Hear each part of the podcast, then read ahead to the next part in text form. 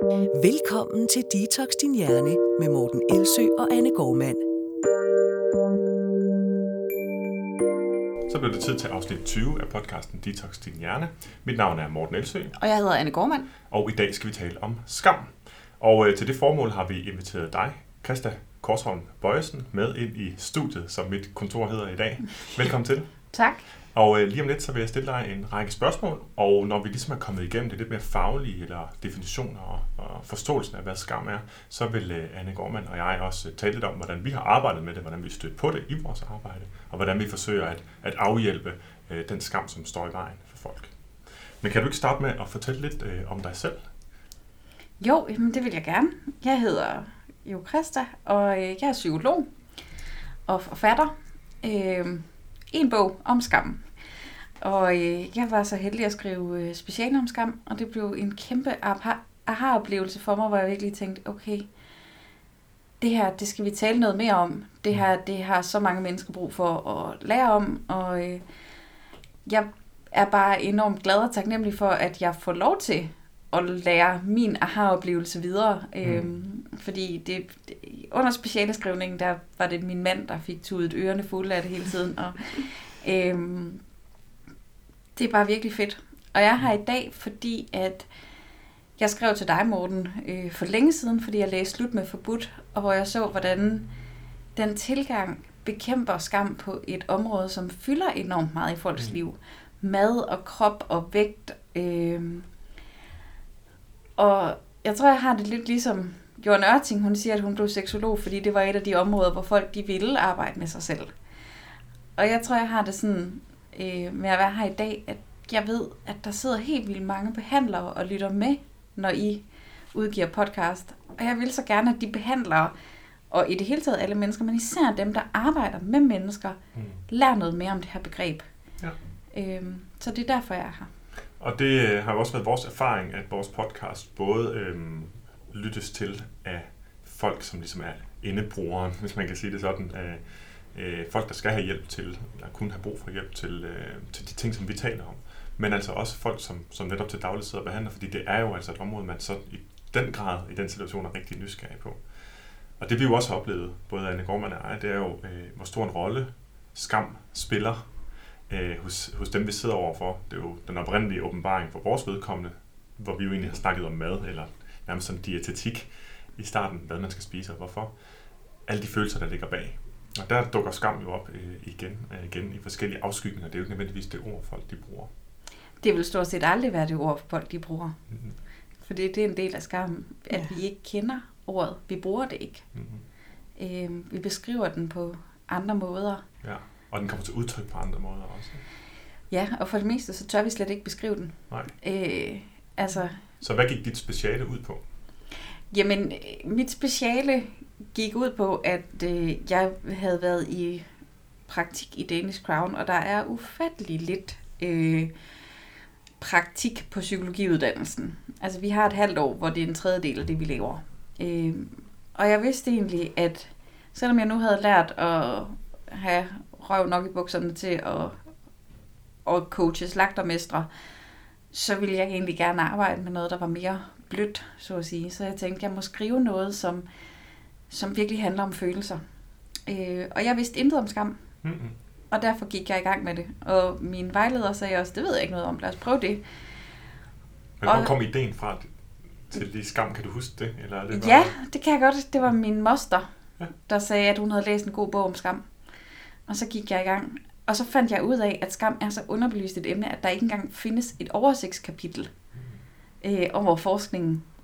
Så hele mit speciale, øh, altså det er et elendigt speciale, øh, fordi at, øh, at det var så ekstremt, at man ikke kunne finde noget overblik noget sted. Det var simpelthen det, jeg lavede nærmest.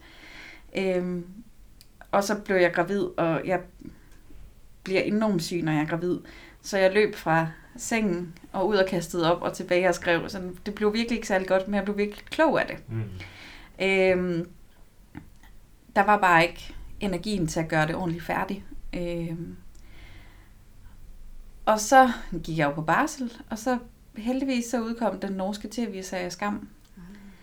Øh, og så blev det jo noget, man talte om. Ja. Og så oplevede jeg, at hver gang jeg talte med folk, så fik alle den her aha-oplevelse. Og det er sådan set bare det, jeg så har kørt videre med. Ja. Øhm, og så synes jeg jo netop, at, at det her med krop og sundhed er nogle så ekstreme værdier Mm. øh, i vores samfund, at det er et virkelig spændende emne at tale skam ind i. Mm. Ja. Og det bringer mig jo til noget, som jeg synes måske er, eller som jeg synes er ret vigtigt, vi får på plads. Det er jo sådan lidt mere sådan definitions øh, spørgsmål. Ikke? Hvad er skam? Og der vil være flere forskellige definitioner. Mm. Altså man kan jo tale om skam sådan sociologisk, hvor det handler om ære og skam, og hvor der er nogle bestemte ting, som leder til skam, så bringer man skam over nogen. Det er ikke Mm. det, jeg taler om. Jeg taler om den specifikke følelse, der hedder skam. Der Ja. er nogle psykologer, som breder det ud og siger god og dårlig skam, og sådan. Øhm, jeg tror, at, eller jeg tror ikke, men jeg hører til den gruppe, øh, der differentierer så meget man kan, sådan så at man netop kan teste, hvad gør vi ved det. Mm. Øh, så når jeg taler om skam, så er det den her følelse af at være forkert. Ja. Øh, simpelthen følelsen af at være forkert, være uden værdi. Øh, det modsatte af skam, i den form jeg taler om, det er at føle, at man har værdi. Ja. Øh, når man skammer sig, så vil man ofte have lyst til at synke gennem gulvet Mm. forsvinde. Øh, kunne slette de sidste timer. Øh, man slår sig selv i hovedet og siger, din idiot, det bliver aldrig bedre det her. Hvorfor har du ikke nogen ryggrad? Hvorfor, hvorfor dummer du dig gang på gang? Hvorfor kan du ikke bare tage dig sammen? Hvorfor øh, alle de her tanker? Ja. Og vi ved jo godt generelt, at vi mennesker, vores tanker bliver påvirket af det, vi føler. Når vi bliver vrede, tænker vi ting, vi normalt ikke ville tænke. Ja. Vi kender bare ikke skammen godt nok til at lave den kognitive øvelse, der er at trække det fra. Okay. Så vi har en langt større tendens til at tænke, at det er sandhed, når vi tænker, hvis folk finder ud af det her mig, Mm. så vil de bare synes, jeg er klam eller dum, eller så vil jeg miste mine venner, eller jeg vil miste min kæreste, eller min familie, eller hvis jeg ikke tager mig sammen, så øh, er der aldrig nogen, der vil kunne lide mig, eller det her, vi, vi er ikke vant til at tale om skam, vi er ikke vant til at sætte ord på den, Mm. fordi den er så smertefuld, øh, at den bliver noget, vi har nemmere ved at tro på. Men det er vel også næsten en ond cirkel, ikke? Fordi hvis man netop tror på de ting, man tænker, når man skammer sig, så tror man heller ikke, at skam er noget, man skal tale om. Lige præcis. Det er sådan, jeg plejer at sige, det er lige så angstprovokerende som at gå ind til sin chef og sige, her er grundene til, at du skal fyre mig. Ja. Øh, jeg smutter generelt 10 minutter tidligere, og altså, det virker helt counterintuitive Ja. At fortælle folk om sin skam. Men i virkeligheden, så er det det, der skal til. I no, kunne man så forestille sig, en del af det, der skulle til, det er at få lagt det, man skammer sig over, frem på bordet i en eller anden situation, for at kunne forstå, hvad, det, Ja. hvad der er sandt og hvad der er usandt i de tanker, man har på det tidspunkt også. Helt enig. Med den klausul, der hedder, at hvis det skal hjælpe noget, så skal det være nogen, som er åbne og kærlige i det møde. Hmm. Hvis Ja, ellers kan det give bagslag i høj grad, kunne jeg forestille I mig. allerhøjeste grad. Ja. Altså, og det er netop noget af det, som jeg elsker ved jeres podcast.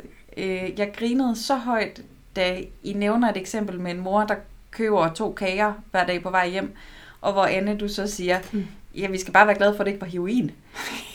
ja. Fordi at jeg blev så lettet over den der, netop den tilgang til det. At i stedet for at sige, jamen øh, det det handler om, det er bare at lukke munden og let røven, så ukompliceret er det ikke. Nej. Øhm, jeg havde engang en psykolog, der sagde, at hun havde haft en klient, som ikke kunne udstå overvægtige mennesker, fordi de skulle bare tage sig sammen. Og så sagde hun, jamen vi er jo alle sammen overvægtige på et eller andet punkt, så hun brugte simpelthen tiden på at finde ud af, hvad er det i ham selv, Hmm. som han projekterede ud på dem. Ja. Fordi det vil altid være sådan, at, øh, at det vi afskyer, det på en eller anden måde taler et eller andet i os selv. Øhm, ja, folk, der ikke har issues med vægt øh, og mad overhovedet, ville aldrig nogensinde udskamme andre. Nej, Nej. Hvorfor skulle de gøre det? eller hvis han ikke kendte til det kontroltab, det er. Nej. Der må være et eller andet der. Jeg havde faktisk en klient for ganske nylig, hvor hun blandt andet spiste på sin negative reaktion på, at andre talte negativt om overvægtige. Ja. Ikke engang bare på hende, eller mod hende, men Nej. om, og der var en, øh, nu skal jeg ikke gå ind i sådan detaljerne omkring det, men noget med en, som havde siddet ved et bord og ikke ville spise, fordi personen ved siden af var svært overvægtig, og det synes hun var uappetitligt. Og Ja. det vi netop fandt frem til, det var jo, at hun egentlig oprigtigt godt vidste, at hvis man skulle have den respons på, at der sad en svært overvægtig ved siden af, så måtte der være et eller andet, man selv havde det skidt med hos sig selv. Mm. Og så zoomer man endnu længere ud, hvis man har det rigtig godt med sig selv, jamen, så har man meget, meget sjældent, eller så har man aldrig behovet for at udskamme andre. Nej. Og hvis du siger til sin psykolog, at man har det rigtig godt med sig selv, så vil man også kende sig selv. Jeg tænker, at vi jo alle sammen bonger ud på forskellige ting. Hvad det så lige er, vi har svært ved at, Mm. at styre. Og hvis man styrer alt i sit liv, så har man det altså heller ikke særlig godt. Øh, der skal være ligesom en, en plads til at sige, nå, ja. Og Ja. det er den øh, periode, jeg er i nu. Og altså... Øh, Et ord som accept vil det give mening i den sammenhæng. accept og accept at være menneske. Mm. Altså det er sådan en af de ting, jeg taler med mange om, det, er det her med, at jeg har det som om, vi har glemt, at vi er mennesker. Mm. Ja. Altså at det der, de der krav, der bliver stillet, eller ikke bliver stillet, fordi vi stiller dem jo til os selv, men det ideal, der er, og som mange leder efter, det er jo fuldstændig vanvittigt. Mm. Altså, jeg forstår det slet ikke. Nej. Og det der med, at du skal være den bedste udgave af dig selv, jeg plejer simpelthen at komme til at grine, når folk siger det, for jeg er sådan lidt, ja, søde skat, det kommer til at ske 10 minutter ad gangen, fire gange i dit liv. Ja. Præcis. Det er cirka der, vi er. Altså, Den er der mange steder på Instagram. Igen lige i øjeblikket har jeg lagt mærke til den her, fordi det virker som sådan en uskyldig måde. I stedet for at sige, at du skal være sund, du skal have sixpack, så har man så ligesom valgt den, hvad jeg tror mange føler som mere uskyldig, uskyldig formulering, nemlig, nej, du skal bare være den bedste version af dig selv. Mm-hmm. Og så tænker jeg, bare være den bedste version af mig selv. For det første er det ikke defineret, det vil sige, at den bare, man sætter, ikke, altså med to R'er, ja, den vil sandsynligvis rykke sig for hver eneste gang, man gør noget bedre. ja, ja. Fordi du aldrig har defineret den 100%. Vel? For det andet så vil den være, det er, jo, det er jo det ypperste. Det er ligesom WHO's tidligere formulering om, hvad sundhed var. Det var en, en tilstand af fuldstændig øh, fysisk, psykisk og social velvære. Ikke? Ja, ja, altså vi bliver aldrig sulten. Jamen, så vil det aldrig blive sådan. aldrig blive- Der er ikke noget, der er fuldstændig fysisk og psykisk velvære. Hvornår har man det? Altså, hvornår, hvornår Det kan jeg godt fortælle dig. Lige Det et er, når man er ved at komme i fuld narkose. Ja. Sekundet inden. Yes, der er man Det er-. Ja. Og det, og så, så, men det er jo faktisk ikke, ikke, ikke kun sjovt. Nej, nej, men det er Eller jo... det er sjovt, men det er også lidt som, okay, så i virkeligheden vil vi gerne have, at alle mennesker de tager heroin. Mm. Ja, Altså, kunne man også ba- basere den formulering på, ikke? ja, Den bedste version af mig selv, hvad betyder det? Det betyder så ingenting. Det kan så for nogle mennesker omsættes til en konstant stræben og manglende accept over for det, de er, og skam over for ikke at være den, ikke? Mm. Ja. Lige præcis. Og det er jo det her med, at skam, det handler meget om, at vi har alle de her idealer eller værdier om, hvem vi gerne vil være. Og når vi så oplever, at det vi reelt er, vores real jeg, er langt fra eller det modsatte, så skammer vi os. Hmm. Fordi så ser vi os selv som noget, vi ikke vil være. Ja. Og det handler ikke om bestemte ting. Du kan godt være overvægtig, uden at skamme dig over at være overvægtig. Det kommer an på, hvordan du selv dømmer det. Hmm. Det er altid din egen dom, der bestemmer, om det er skyld eller skam. Hmm. Øhm, der er ikke nogen, der kan få dig til at føle skam, medmindre du selv er lidt enig. Øh, folk de kan udskamme mig for alt muligt, Hmm. og jeg vil være ligeglad, hvis jeg ikke er enig. Ja. Men hvis de rammer noget, hvor der er noget i mig, der er lidt enig, så rammer det hårdt. Og det er det, man ser, når man, når man kigger på forskningen i stigmatisering af overvægtige. Der er det også, der er man differentieret mellem reelle altså oplevelser, stigmatiseringsoplevelser, som man er blevet peget af, at man har fået noget at vide, eller hvad det nu ellers kunne være, om en eller om andre, som er overvægtige.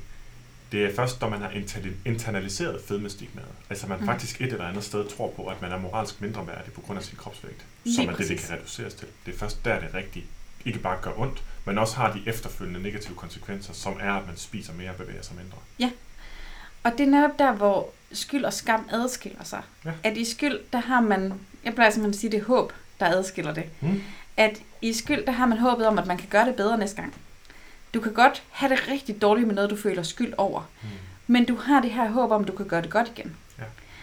Øh, eller at du kan lægge det bag dig, når du har sagt undskyld. Eller Altså, der er Undskyld, Ja, det er handlemuligheder. også et godt ord i den sammenhæng, når Ja. man snakker definition. Skyld og så undskyld. Lige præcis. At du kan gøre noget. Jeg kan sige undskyld til mine børn, hvis jeg gør noget dumt. Eller sådan, altså hvis jeg tror på, at jeg kan gøre det godt igen. Ja. Hvis jeg derimod tror på, at det, jeg har gjort, det definerer, hvem jeg er, så kommer det til at være uden håb. Ja. Så bliver det den her blindgyde, øhm, hvor alle små fejltrin, og det er igen der, hvor jeg taler om, at vi har glemt, at vi er mennesker, for alle fejler. Øh, så vil det være en bekræftelse på, at jeg er forkert. Hmm. Og det vil I opleve tusindvis af gange med folk, som har den her netop i forhold til vægt og spisning, hvad enten de er undervægtige eller overvægtige. Hvis de har skam, så vil de opleve, at hvert tilbagefald er en bekræftelse. Hmm. Og derfra har vi det, der kaldes what the hell-effekten, Hmm. hvor man tænker, men så fuck det. Ja. Det nytter er, ikke det er noget så, alligevel. Det er så også så stor veletableret en base inde i ens psyke, af at Ja. det er sådan, jeg er. Så når hver gang man lander der, så er man ikke i tvivl om, at så må det jo være sådan. Lige præcis. Vi skrev om det i Slut på Forbudt, fordi vi skrev Ja. skyld, skam og dårlig samvittighed. Jeg tror, vi har skrevet de tre ting i, i rækkefølge. Ja. 50 gange i bogen. Og da jeg så skulle til at komme ind, jeg tænkte, gud, jeg ved sgu ikke, hvad forskellen er på skyld og skam. Jeg synes bare, det var to forskellige ting. Så jeg gik ind og googlede, og det var faktisk netop ikke i de videnskabelige studier, jeg kunne finde den her definition. Jeg synes, var, altså, der gav mening måden at differentiere imellem de to. Men det var nemlig på, jeg fandt forskellige psykologers hjemmesider, hvor de, var, hvor de brugte nogle forskellige måder at forklare det på. Jeg tænkte lige, at jeg ville læse bare de tre, nej, det er Mm. ikke, 6-7 linjer op. Øhm, og så kan du se, hvor, hvor nuanceret eller unuanceret det er, men måske en måde, som man også kan forstå det på. Når det drejer sig om en forkert handling, for eksempel tyveri, så fører skyldfølelsen til, at man angrer og måske forsøger at rette op på sit fejltrin, og så indskyder jeg de her. Så det giver altså, det er så det håb, du snakker om, man kan faktisk gøre noget ved det. Ikke? Mm. Men når man føler skyld over sin identitet, skammer man sig og har konstant dårlig samvittighed. Man skammer sig over, hvem man er, og at man ikke bare kan tage sig sammen. Det er tunge følelser, og de forsvinder ikke sådan lige. For overvægten er der jo også næste morgen, hvis det nu er det, det handler om. Det er ret præcist. Men det er faktisk sjovt, fordi de, de studier, man har lavet med skyld og skam i forhold til netop, hvad man, altså det her med håb og hvad man kan gøre ved det, der har man testet blandt andet overvægtige og kriminelle. Og det, der viser sig med dem begge, det er, at dem, der føler skyld, de har gjort det samme. Mm. Dem, der føler skyld, de kan komme videre. Dem, der føler skam, de bliver i livsstilen. Hvad enten det er en overvægtig livsstil, eller det er en kriminel. Der er Det- håbet igen, at man kan faktisk gøre noget ved det, man Lige føler præcis. skyld over, men det man føler skam over, det kommer man ikke videre fra. Lige præcis. Altså selv. Ja, så tyveriet, det kommer helt an på, hvordan du vurderer det selv. Ja. Øhm, og det overraskede folk rigtig meget. Da Det de vil så sige, lavede en tyv, der stjæler og skammer sig over det, vil sandsynligvis blive det mønster, Ja. mere end en, der føler skyld over det. Var det rigtigt forstået? Ja, fuldstændig. Okay. At det er sådan en, øh, det er simpelthen en, en af de bedste måder at forudse, hvordan det vil gå for folk. Mm. Det er, at hvis de føler skam over det, jamen så er det mindste fejltrin. Så vil de tænke, jamen det nytter jo alligevel ikke noget. Det er bare sådan, jeg er. Det, Det er er en bare sådan, jeg er. i mig. Lige præcis. Ja. Og det samme, når man står med hovedet i slikskabet. Hvis man så tænker, jamen jeg duer jo alligevel ikke til det her. Mm. Jamen, så er det præcis det samme. Jeg havde faktisk øh, en, en psykolog i, øh, altså hvor hun gik til coaching på et tidspunkt, og så havde hun mega, mega, mega dårlig samvittighed, altså faktisk meget skam. Det var næsten noget af det smertefulde, øh, mest smertefulde, hun kunne fortælle. Det var, at hun havde stjålet sine børns øh, fredagslik om lørdagen, der var der nogle rester. Og så havde hun taget af dem, og hun græd, mens hun sagde det, fordi hun var så frustreret over, sådan, tænk, at jeg er sådan et menneske, mm. der kan tage mine børns slik. Altså, hvor, hvor lortemor kan man være? Jeg har stjålet fra mine egne børn. Øhm, og der blev vi nødt til at snakke om skyld og skam, som hun jo havde fuldstændig styr på i teorien. Ja. Ja. hvor, hvor at hun sagde og sagde, jamen, jeg skammer mig så meget over det. Okay, men nu har du fortalt det. Nu har du været sårbar. Nu har du vist mig det. Øh, og jeg vil bare fortælle dig, at jeg har gjort præcis det samme 100 gange. Og man får så dårlig samvittighed. Men det betyder ikke, at du var en dårlig mor. Du. Nej. var presset og træt, øh, og havde ikke andet i huset, og havde sikkert tænkt, det her, det kan jeg nok godt erstatte. Altså, jeg kunne nok godt Ja. gå ud og købe noget en anden dag. Det er jo ikke sådan, der forsvinder noget fra dem for evigt. Ej, nej, hun har jo ikke gået ind foran dem og taget det fra Nej, dem, så de præcis. ikke fik. Altså, Nej, præcis. så Ja. det er jo lige nok det med, at vi dømmer os selv så hårdt. Jeg Mm. tænkte sådan helt, nå, skal man skamme sig over det, hvis mm. de ikke har spist det? Så, Præcis. altså, altså, men det er det der med, at vi kan så nemt gøre det udefra. Ja. Men vi kommer tit til netop at dømme os selv ekstremt hårdt. Mm. Ja. Altså, det er den der skammens stemme bliver forfærdelig hård ved os selv. Jeg plejer sådan Vi kan bedre tit at vende andre. den rundt med andre. Sådan, Ja. Det er tit mine veninder i forhold til det her med at være mor og sådan noget, hvor jeg sådan plejer at sige, okay, hvis det var mig, hvad ville du så sige til mig? Fordi vi, de vil aldrig tale så grimt til mig, Nej. som de gør til sig selv. Man vil heller aldrig udskille sin veninde for at have taget sine børns slik. Man vil bare sådan, ej, på søde, slap, Slap af. af. Køb noget nyt. ja. Jeg har købt noget nyt. Ja, hvor vigtigt. Nå, men så fik de ikke det sukker. Okay, fint nok. var det Eller ikke meget fint, ja. har de spurgt efter det? Eller altså sådan, Ja. Men det er det reality check, som du er i gang med der, som man ofte skal have hjælp til, især på skamområdet, hvis jeg sådan Ja. skal øh, bringe det op, vi talte om helt i starten. Ja. Fordi at man netop ikke er god til at undersøge, hvorvidt det passer det, man tænker, når man skammer sig. nej. Og det er folk jo generelt ikke på mange andre områder. og Men andre den her, følelser den også, er men den, her, værst. den er værst. Det er så det, der var pointen, ikke? Ja, Så her, den folk er de kan godt vurdere, at okay, jeg tænker nok lidt mere sort, når jeg er træt. Eller Mm. jeg øh, synes nok, øh, folk er, at jeg er nok lidt mere uretfærdig over for, hvordan folk opfører sig i trafikken, når jeg selv er stresset. Eller hvad det nu ellers skulle være. Det kan vi godt Mm. se bagefter. Men når det handler om, hvad vi tænker og tror på, når vi skammer os, så har vi tendens til ikke at udfordre det. Er det rigtigt nok også forstået? Fuldstændig. Og det kommer...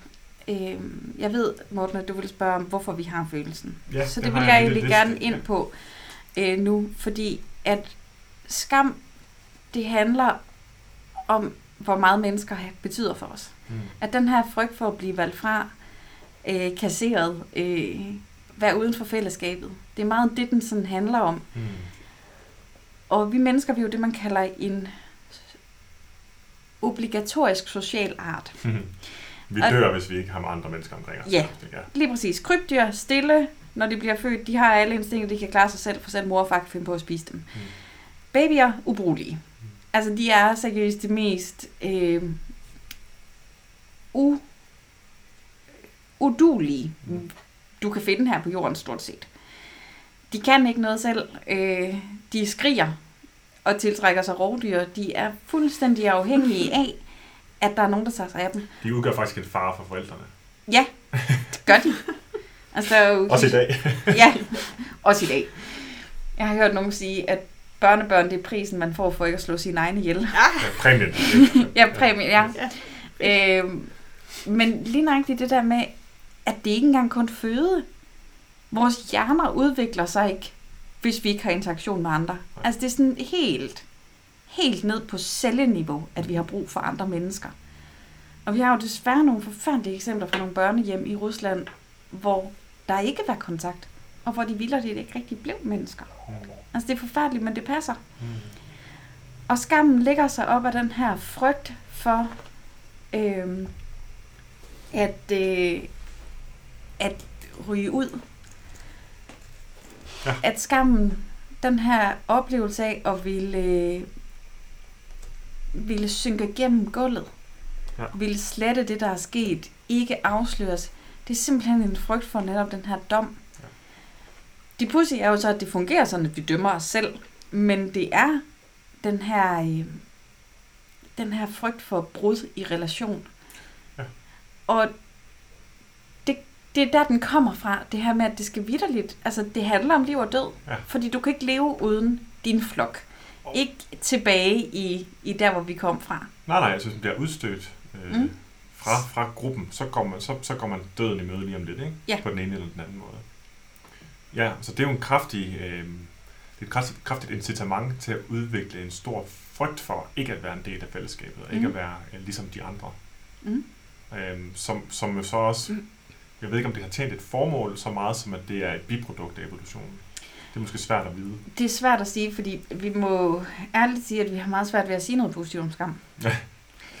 For jeg vil også have spurgt dig, hvornår, hvornår er skam brugbart, ikke? Jamen altså, det, der, det, det gode, der er at sige om skam, det er, at de eneste, der ikke har den, det er dem, vi diagnostiserer med sociopati Mm. og, øh, og psykopati. Ja. At dem, som er ligeglade med andre mennesker, de oplever den ikke. Dem, Nej. som kun ser andre mennesker som noget, man kan bruge, Ja. de oplever den ikke. Og det bringer mig... Så ja, Det er vigtigt at have den, men den er svær, fordi at, som jeg sagde før, så er det en blindgyde. Men noget af det, der også sker, det er, at vores empati faktisk lukker ned, når vi føler skam. Okay.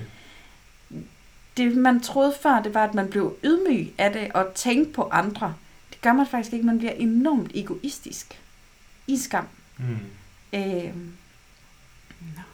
og det er, det er sådan lidt pudsigt. Og det har nok også noget at gøre med, hvor overvældende en følelse det er, fordi oftest så kommer skam i forbindelse med noget med lyst. Mm. Noget, vi har lyst til, og så den her følelse af ikke at kunne styre det. Øh, og det kan være på alle mulige punkter. Som barn, der lærer man skam sådan hen ad vejen. Øh, fordi det er ikke en af de følelser, som er der helt fra starten, for du er nødt til at kunne vurdere dig selv. Og det gør små børn, helt små børn ikke. Mm. Men skamkredsløbet fungerer sådan, at når de oplever det, så er det stort set altid, at de er i gang med noget, de godt kan lide. Om det så er at lege med deres lort, eller smadre et eller andet, eller male på væggen. Øh, ting, børn de undersøger jo bare, de har ikke alle de her Eller regler. spise alt for meget lavkage. Ja, At nu skal, nu skal du stoppe, skat. Det er Ja. for meget. og så kommer en forælder og siger nej, fordi de har gang i et eller andet, de ikke må. Og det, der sker i hjernen, det er, at belønningssystemet, fordi i gang med noget, de godt kan lide, og så strafsystemet kommer på en gang. Og det er en meget, meget overvældende oplevelse, at begge systemer kører på en gang. Og jo ældre vi bliver, så begynder vi at straffe os selv. Det er vores egen dom, at jeg ved, at I også taler om det der med, at folk de siger, at det øjeblik, jeg spiser slik, så øh, skammer jeg mig, eller så har jeg det dårligt. Nej, der er et øjeblik inden. Ja, præcis. Ja. Du gør det, fordi der er noget her, Mm. du har lyst til. Noget, du vil have. Straffen kommer altså altid kun et øjeblik efter. Ja. Fordi hvis den kom samtidig, så ville vi ikke gøre Eller det. hvis den kom før, så ville Ja. man ikke få noget ud af det. Nej. Det er den her, det her tidsmæssige øh, Der forløb. er en forskydning der. Ja. Øhm, hvor vi netop får noget, vi har lyst til. Gør noget, vi har lyst til. Giver efter. Og så skammer Så kommer skam. Og så skammer vi os. Men det er vel også koblet så meget, så hvis du skal have folk til at købe chokoladekagen på menukortet, så skal du kalde den syndig eller devil's food eller et eller andet. Lige præcis. Og det bringer mig hen til noget andet. Fordi, øh, hvad er det, vi skammer os over i dag? Var jo egentlig sådan, jeg havde sådan lavet en lille liste over ting, men jeg tænkte, kunne jeg godt lige kunne tage det op nu her. Mm. Fordi, og nu er det lidt konklusionen på det allerede, at der måske kommer en hel del af det fra vores sådan, kristne kulturarv. De ting, vi skammer os over i dag. Ja. Øh, det tror jeg.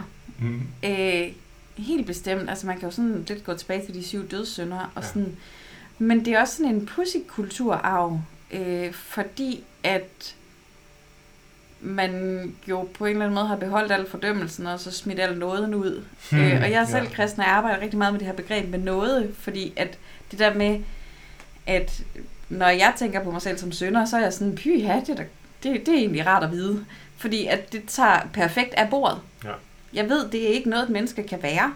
Så jeg har sådan en ro i at være sønder, og så leve af noget. Mm. Øh, at det er helt vildt positivt for mig, fordi det handler netop ikke om fordømmelse. Så ikke den bedste version af dig selv, men Nej. bare et rigtigt menneske. Bare et rigtigt menneske. Jeg plejer at sige, at det vigtigste, jeg gerne vil have, at mine børn skal sige om mig, det er, at mor var god til at sige undskyld. Ja. Ikke at mor var perfekt, eller mor ikke gjorde. Altså, fordi det er bare ikke sådan, det er at være menneske. Det er ikke sådan at stå i relation til hinanden. Jeg vil bare gerne, at jeg er god til at sige undskyld. Øhm, men det er som om, at man har taget de her idealer, og så har man, har man glemt den der kongstanke, der var omkring, at et menneske ikke var sin egen lykkes med. Mm. Øh, og så har man stoppet alle idealerne over på en præstationskultur, som er, øh, altså, det er skam på steroider, Ja. det vi har gang i, med alle de områder, hvor man skal præstere på. Ja, hvad kan det være for nogle områder? Jamen, vi har arbejde, vi har krop, vi har sundhed, vi har øh, Familie. Forældrerollen. forældre, familie, Venskaber. Ja, du skal også have et virkelig fedt sexliv. Mm. Øhm, du skal være sjov, du skal øh, være spontan, du skal være struktureret, du skal øh, forsørge dig selv. Noget så simpelt som det, tror vi, er noget, mennesker selv er herre over. Mm. At du er i stand til at gøre det. Jeg har været på kontanthjælp, fordi at jeg blev syg som 20-årig. Det er noget af det mest ydmygende, jeg nogensinde har prøvet, fordi der var så meget stigma i forhold til det. Og jeg var bare sådan, tror I ikke, at hvis jeg kunne vælge, så ville jeg hellere være rask? Det er der jo desværre mange, der ikke tror. Og Nå, det er en af grunden til, at vi konstant vender tilbage til den her... Øh, altså vender tilbage til at behandle den her fejlforståelse. Ja. Jeg vil hellere kalde det fejlforståelse, misforståelse. Men, men Ja. fejlforståelse af, at, at mennesker øh, er frie i deres beslutninger, præcis til altid at kunne handle efter, hvad de synes er det bedste. Og det er simpelthen ren og skær brøvl, Så for enig. lige ud. Ikke? Og, og, og, men vi kommer ikke til at gå så meget ind i det i dag, tænker jeg, fordi vi nemlig gerne vil belyse det helt vildt grundigt i øh, en podcast om øh, en, en, der er ekspert lige præcis på det område med den frie vilje på et senere Ja. tidspunkt. Men det kommer til at gå rigtig godt i tråd med det her. Vi kommer dog lige tilbage til det senere. Ja, vi kommer lidt ind på det på Ja. ja. den konkrete del. Altså, fordi der er, altså, der er tusind områder, hvor vi, øh, hvor vi gerne vil præstere. Bare åbne et dameblad. Tænk på alt det, du har lært som jeg barn. drømme om. Nej, jamen, det kunne jeg heller ikke længere. Øhm, Og ikke fordi Altså- det er til damer, men på grund af det, øh, altså, og fordi det er så dårligt det kan få en til at... modstridende alt det her, øh, alt hvad man bør være, det er så sjovt øh, at undersøge, når man sætter folk til at sige, hvad bør man være? Mm. Det er jo en liste uden ende. Ja, Og og, jeg- modstridende, som du siger. Ikke? Det vil sige, at du kan, ikke, du kan ikke gøre det hele. Nej. Du kan ikke både være spontan og struktureret, eller det kan Nej. man måske godt finde måder, man kan gøre, men, men tit så hiver de i hver sin retning. Og det gør vores værdier. De Ja. hiver i hver sin retning. Og det er noget af det, som er øh, så frustrerende. Fordi på en måde, så har vi den kristne kulturarv. Men hvad vi endnu mere egentlig har, det er arven fra oplysningstiden. Mm. Der netop handler om det her med, at man har det frie valg. Ja. Og problemet er, at vi har ikke lært at håndtere det. Vi burde have et fag i skolen, der handlede om at håndtere følelser og værdier, og hvad der egentlig er realistisk. Øh, fordi det er jo ikke sådan, at vi sætter os ned og siger, hvad er egentlig vigtigst? Hvad er det egentlig, jeg gerne vil være? Nej, det er bare en masse ting, der sådan nærmest osmotisk kommer ind i os fra ting, vi hører. Og osmotisk, for at forklare det, så vil det sige, at man egentlig suger det til sig. Ja, som en svamp. Ukritisk, som en svamp. Ja. ja. Fuldstændig. At det der med, at du hører ting, folk der siger, puha, øh, tænk sig, at hun vil gå sådan klædt. Ja. Øh, Det er ikke noget, de selv har fundet på. nej, det er noget, man har det er noget, man hører alle mulige steder. Mm. Øhm, jeg tror, at dem, der har hørt mig før, vil være ved at være trætte af det her eksempel, men det er mit bedste eksempel. Da jeg var ni år gammel, gik jeg en tur med en ældre dame, som, hvor jeg ser et hus, hvor der er en masse ting i vinduerne, og der er blandt andet en porcelænskat, jeg synes er fin. Og jeg peger på den og siger, prøv lige at se den der. Hvor til hun svarer, ja, de er så nogen, der har rod i vinduerne. Ja. Og jeg ved ikke, hvad det er. Men til dags dato, så hvis min mand stiller en colaflaske i vinduet ud mod vejen, så får jeg stress over, at der er en afdød dame, der har sagt noget om, at sådan nogen med rod i vinduerne. Og, Og hvor det har hun det så fra? ingen anelse, jeg har aldrig spurgt. At, men det var bare sådan en af de ting, der kom frem, da jeg begyndte at arbejde med det her. Det var sådan, det er derfra, det kommer. Den der bemærkning gør, at sådan tænker jeg. Så vi er ekstremt modtagelige over for øh, overbevisninger, idéer om, hvordan man skal være, Mhm. mm-hmm. som kommer udefra. Og at, hvis jeg må sådan recitere, så må du sige, hvis det er forkert. Nej, men det er rigtigt. Og det der så derudover er, det er, at vi har et samfund, hvor mængden af den type øh, påduttede holdninger er enorm, og underbygges af, at dem, som har de rigtige værdier, det er, øh, de, de promoveres og vises til os hele tiden som værende folk, man ser op til. Og det kan også være værdi, øh, værdisættet, eller det visitkort, du snakkede om før. Ja. Øh, vi kom til at tale sammen, inden jeg blev helt... ho- Altså, Jeg, jeg sagde, at jeg har mødt mennesker, der siger, at deres krop er deres visitkort. ja. Nej. Jo, men det er altså, sådan... som i, hvis man har en flot, øh, veltrænet krop, så har man bevist et eller andet om sig selv. Ja, Ja. at det er sådan helt det der med, øh, men, og at de også ser sådan på andre. Mm. At for eksempel min krop øh, ville vise, at jeg ikke har så meget selvdisciplin. At de siger, at en veltrænet krop viser, at man har selvdisciplin. Og, Øh. der, og underforstået, at selvdisciplin er en ubestridelig god ting. Fantastisk. Ja. øh, Og, der, der blev himlet med øjnene. Ja, det øh, gør der. Så kommer jeg lige med en recipe. Ja, jamen, ja, der blev himlet meget med øjnene. Øhm, og der er, altså, der er så mange af de der ting. Og problemet er jo, at de lyder kloge hver for sig. Mm. Altså, det er da vigtigt at have et godt sexliv med sin partner. Det er da så dejligt. Mm. Det er da vigtigt at have det godt med sin krop. Det er da vigtigt at bruge tid med sine børn. Det er da vigtigt at... Altså, det er da rigtigt. Problemet er, at vi ikke får det vejet op imod hinanden. Mm. Problemet er, at vi ikke får taget stilling til det. Problemet er, at vi ikke ser livet for det, det er. Netop et sted, hvor vi ikke kan Mm. bare sige, sådan vil jeg være, hæb til du, Mm. og så gør man det. Det er bare ikke sådan, det er at være menneske. Og det sidste er en rigtig god pointe, men den mellemste var også, synes jeg, i forhold til, at vi har jo aldrig sat, altså vi sætter os ikke ned og tænker, så nu vil jeg egentlig gerne tænke lidt over, hvad er min værdisæt? Nej. Hvad, hvad er det? Fordi jeg kan nok, jeg kan ikke have 50. Jeg kan nok i virkeligheden kun have en top 3, som jeg sådan nogenlunde stabilt kan navigere efter. Og der vil jeg gerne selv vælge. Jeg vil gerne vælge det, hvor jeg virkelig har reflekteret. Jeg måske også gerne have hjælp til at vælge det. Ikke? Det, det gør vi man ikke. Vi åbner bare Facebook og alt for damerne og Instagram og radio og tv, og så bliver vi bare bombarderet med øhm, overbevisende evidens for hvad, for os Mm. i hvert fald intuitivt, for hvad der er den rigtige måde at være på, på 55 forskellige domæner, øh, som gør det fuldstændig umuligt for os nogensinde at leve op til, hvilket er en Og du kan også gøre det øh, totalt opskrift, udigitalt. Ja. Du kan gøre det, hvis du bare interagerer med andre mennesker. Ej, hende der har en vildt fed uddannelse. Ej, hende der har totalt lange, slanke ben. Mm. Ej, hende der har bare de perfekte, glade børn, der aldrig skriger. Og så sammensætter man det til et helt menneske og tænker, sådan vil jeg være, som sådan et puslespil. Lige præcis. Det kan man også bare gøre kun med krop. Det er i, åh, jeg vil gerne have hendes læber, hendes pande, hendes Ja. ja. øjne, hendes arme, hendes skulder, hendes ryg, hendes baller, hendes bryster osv. Og så det- har man et menneske, der slet ikke eksisterer, som man sammenligner sig med. Klart. Er det ikke Hella Juf, der har den der rigtig fine udtalelse om, at øh, Du skal At bytte hvis- en til en. ja, hvis du vil Ja. have hende deres næse, så skal du også have hendes ører og hendes pande og hendes børn og hendes mand, der er Mhm. syg og træls, og hendes karriere, der gik i vasken. Altså, du skal tage hele mennesket. Du kan Ja. ikke bare tage næsen. Det er ikke fair. Nej, Nej. Det er rigtig godt. Nu er der ved at blive rigtig, rigtig varmt herinde, så lige om lidt, ja. så holder vi en pause. det gør vi. Øhm, men inden da, så synes jeg, vi skal have den sidste ting med. Nej, jeg vil egentlig gerne lige hurtigt læse den liste op, for vi har været lidt omkring det, Mm. og så stiller vi et spørgsmål derefter. Ting, vi skammer os over. Forbrug. Shopping. Ja. At vi øh, indtager for meget, eller køber Ja, ja, for meget. Men Også bare se, klima, øh, og hvis vi spiser klimauvenligt. Ikke? Er derfor, jeg ja. godt kan... Jeg er ikke helt hoppet med på hverken veganisme eller klimavenlig kost. Ikke fordi jeg ikke synes, det er fornuftigt, for det synes jeg faktisk, det er. Men jeg synes også stadigvæk, det er krav nummer 51 og 52. Skulle vi ikke prøve måske at have færre krav? Men det er så, hvad det er. Spiseadfærd, både mængder og madvalg, hvad man spiser og hvor meget man spiser, så man kan skamme sig over ens krop generelt, ens kropsvægt specifikt, eller fedtfordeling endnu mere specifikt. Tiden, man bruger på børn og Eller arbejde, ikke. eller ikke bruger på sine børn, eller om vi er gode nok forældre, helt overordnet set. Det er der ikke nogen, der synes, de er. Og det er der måske nogen, men de fleste, mange synes ikke, de er. Vores mobiladfærd er også noget, vi skammer os rigtig meget over. Mhm. På trods af, at grunden til, at vi har den, er på grund af afhængighedsskabende teknologi. Så det er jo igen ikke bare os, der har valgt det. Ikke? Seksuel adfærd, og så alt med lyst. Ja. Jamen alt med lyst. Men hvordan, og det er så det, jeg gerne vil lige slutte af med, inden vi lige holder en lille pause med en jingle. Øhm, ja, hvordan ser det ud udefra? Fordi vi ved jo ikke, det er skam, vi føler. Vi ved heller ikke, når andre føler skam. Men Hvordan vi kan kan- se nogle ting. Hvordan manifesterer skam sig?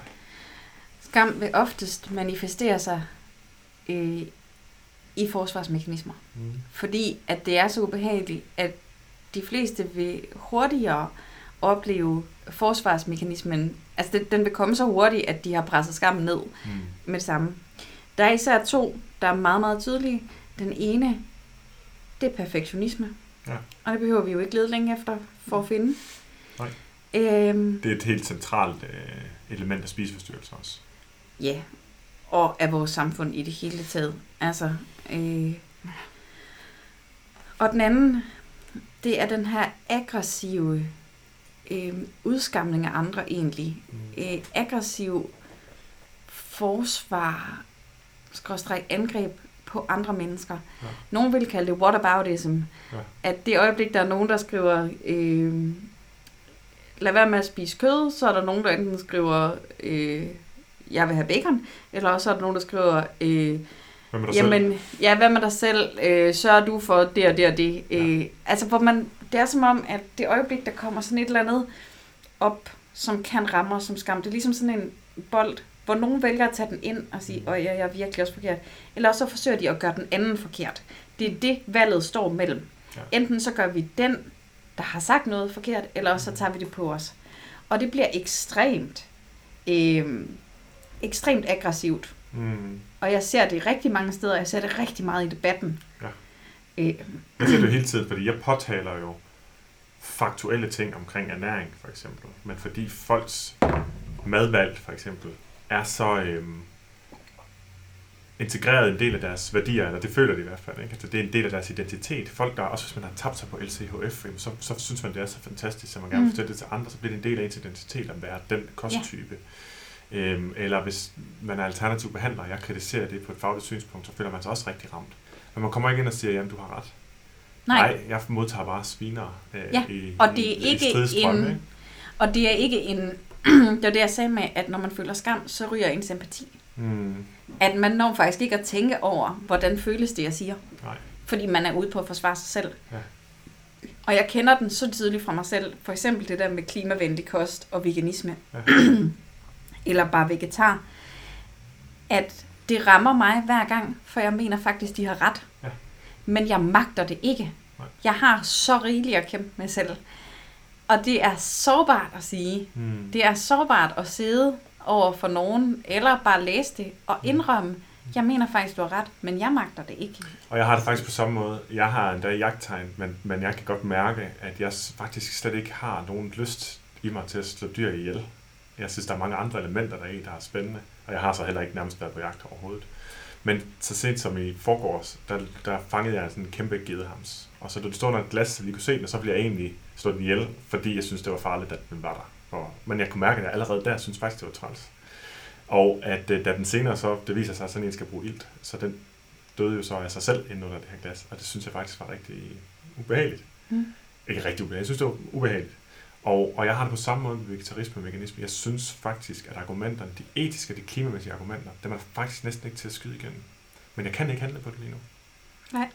Men det må man så ikke indrømme til i debatten, fordi så vil man jo så derefter blive udskammet yderligere, for at man ikke øh, vil handle på det, siger de. Så jeg siger, jeg Ja. kan ikke handle på det lige nu. Lige Jeg har ikke præcis. sovet i et år. Nej, altså, altså, det, er Ja, bare det er ikke, også- det er ikke min kamp lige nu. Jeg vil faktisk gerne have, at der bliver produceret flere af den type fødevarer, som vi efterspørger, som giver os det, vi har brug for, men som ikke er Mm. klimabelastende eller, eller går ud Mm. over dyrevelfærd. Så, så synes jeg, det er et rigtig, et godt, ekstra godt eksempel, fordi jeg også selv sidder lidt i saksen der på den måde. Og jeg vil ikke gå ud og tale imod det der, men jeg kan bare ikke gå med i den kamp lige nu. Nej. Og det er jo lige nøjagtigt det der, jeg mener med, at vi skal huske, at vi er mennesker. Mm. Og hvor jeg taler meget det her med noget, det der med at sige, det, det er altså noget af den her idé om, hvad det er at være menneske. Du kan ikke kæmpe på alle fronter på en gang. Nej. Og hvis vi skal til at sige noget negativt om digitalisering, så vil det fra min side være, vi er overhovedet ikke designet til at kunne rumme så meget information, eller vide, hvad der sker på den anden side af jorden.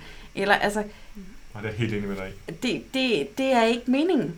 Og Øh, vi forholder os jo så heller ikke til de 50 mennesker i vores stamme længere, hvor man kan sige, Nej. vi kan faktisk, der, det er faktisk muligt at efterstræbe at være en af de 10 bedste på et givet område. Ikke? Ja, og det er Men muligt øh, nu at vi os til 7 efterstræbe. milliarder.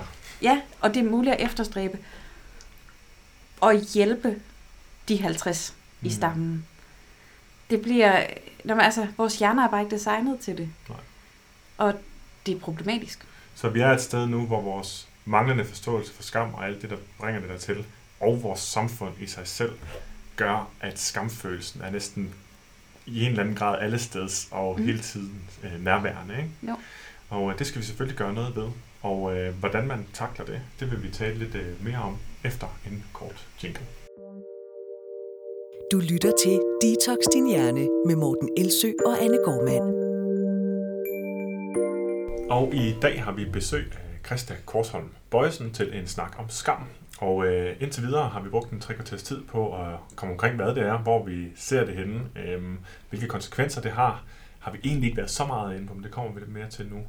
Øh, hvordan vi definerer det, øh, hvor det stammer fra osv. Ikke? Øhm, det vi godt kunne tænke os at bruge lidt mere tid på nu, det var, øh, hvordan man egentlig takler det, enten personligt, men måske også mere sådan, øh, hvordan vi har stødt på det i vores arbejde, Anne Gormand og jeg, og, og du, Christa, øh, og hvordan vi, vi har, vi har taklet det i den situation. Øhm, hvis man sådan skal give en overordnet retningslinje, for det at starte der, hvad er det så, der skal til, for at man kan slippe sin skam, Christa? Det kan godt være, at det lyder mærkeligt. Det tror jeg ikke, det gør i jeres ører, men det handler rigtig meget om tro og overbevisninger. Øh, og der taler jeg ikke om religiøs tro, men det her med, at vi tror på, at vi er værdifulde. At vi tror på, at vi kan forsøge at gøre det godt igen, og at det så er nok. Der er noget med det her med, øh, at når jeg ikke bare siger overbevisninger, men tro, så er det fordi, at tro det er noget, man også kan vælge at gøre. Hvor overbevisninger, det er det, vi vidderligt tror på. Mm. Men det her med at vælge at sige, okay, nu føler jeg skam, Mm. men jeg ved, at det her det ikke er en dødsdom for mig. Jeg tror på, at jeg må få en chance mere. Mm. Jeg tror på. Så en overbevisning er noget, vi mere ukritisk har taget til os, og Ja. tro, det er noget, vi aktivt har taget til os. Er det Ja. rigtigt nok forstået? Det er det, jeg mener. Ja. Og så i mødet med andre, vi har brug for at møde mennesker med kærlige og nådige øjne, som ikke dømmer os for det, vi gør. Og det er jo rigtig meget derfor, jeg sidder sammen med jer to i dag, fordi det er meget det, I snakker om, netop når I taler om jeres arbejde, det er den her udømmende og forstående tilgang for det, folk har oplevet, og det, de gør, i stedet for at dømme det. Altså vi kan... Og så kunne man begynde at luge ud i alle de her... Øh, luk munden og let røven, øh, sluk øh, for din telefon, sørg for at være nærværende, øh, alle de her øh, tag nej-hatten på, råd. alle de, ja lige præcis, alle de her ting, som vi, øh, hvor tingene bliver sat meget unuanceret op, fordi unuancerede ting har bare egentlig ikke særlig meget med mennesker at gøre. Øh, så jeg tror, at, at der er noget med det her med at holde op med at tro på det, Mm. og så søge det empatiske, søge nogen, som vi har et tæt forhold til, og dele det og sige, nu føler jeg skam. Mm. Når vi øh, underviser, Anne og jeg, på vanecoach-uddannelsen, så er der meget, vi gerne vil have folk igennem. Der er både noget teoretisk, og der er noget mere praktisk, og så er der selve øvelserne og så videre. En masse ting, man skal være.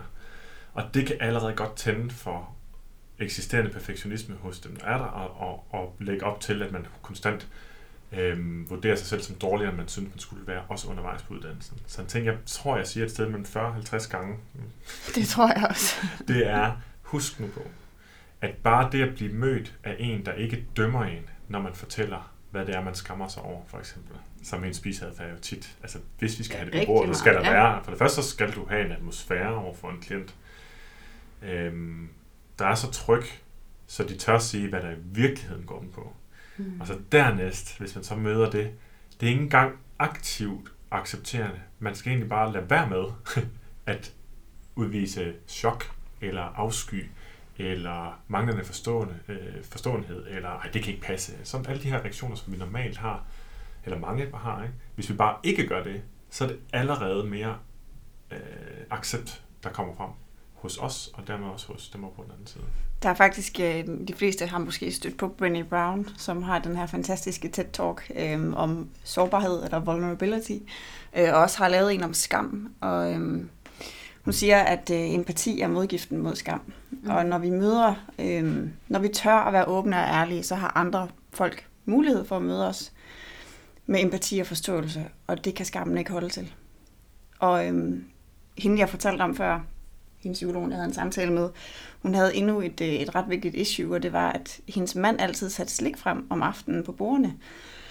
Og hun vidste, at det var et kæmpe problem, at det stod der. Og hun endte med at spise det, og når han så var gået i seng, så blev hun op, og så spiste hun alt, hvad der var i skabene.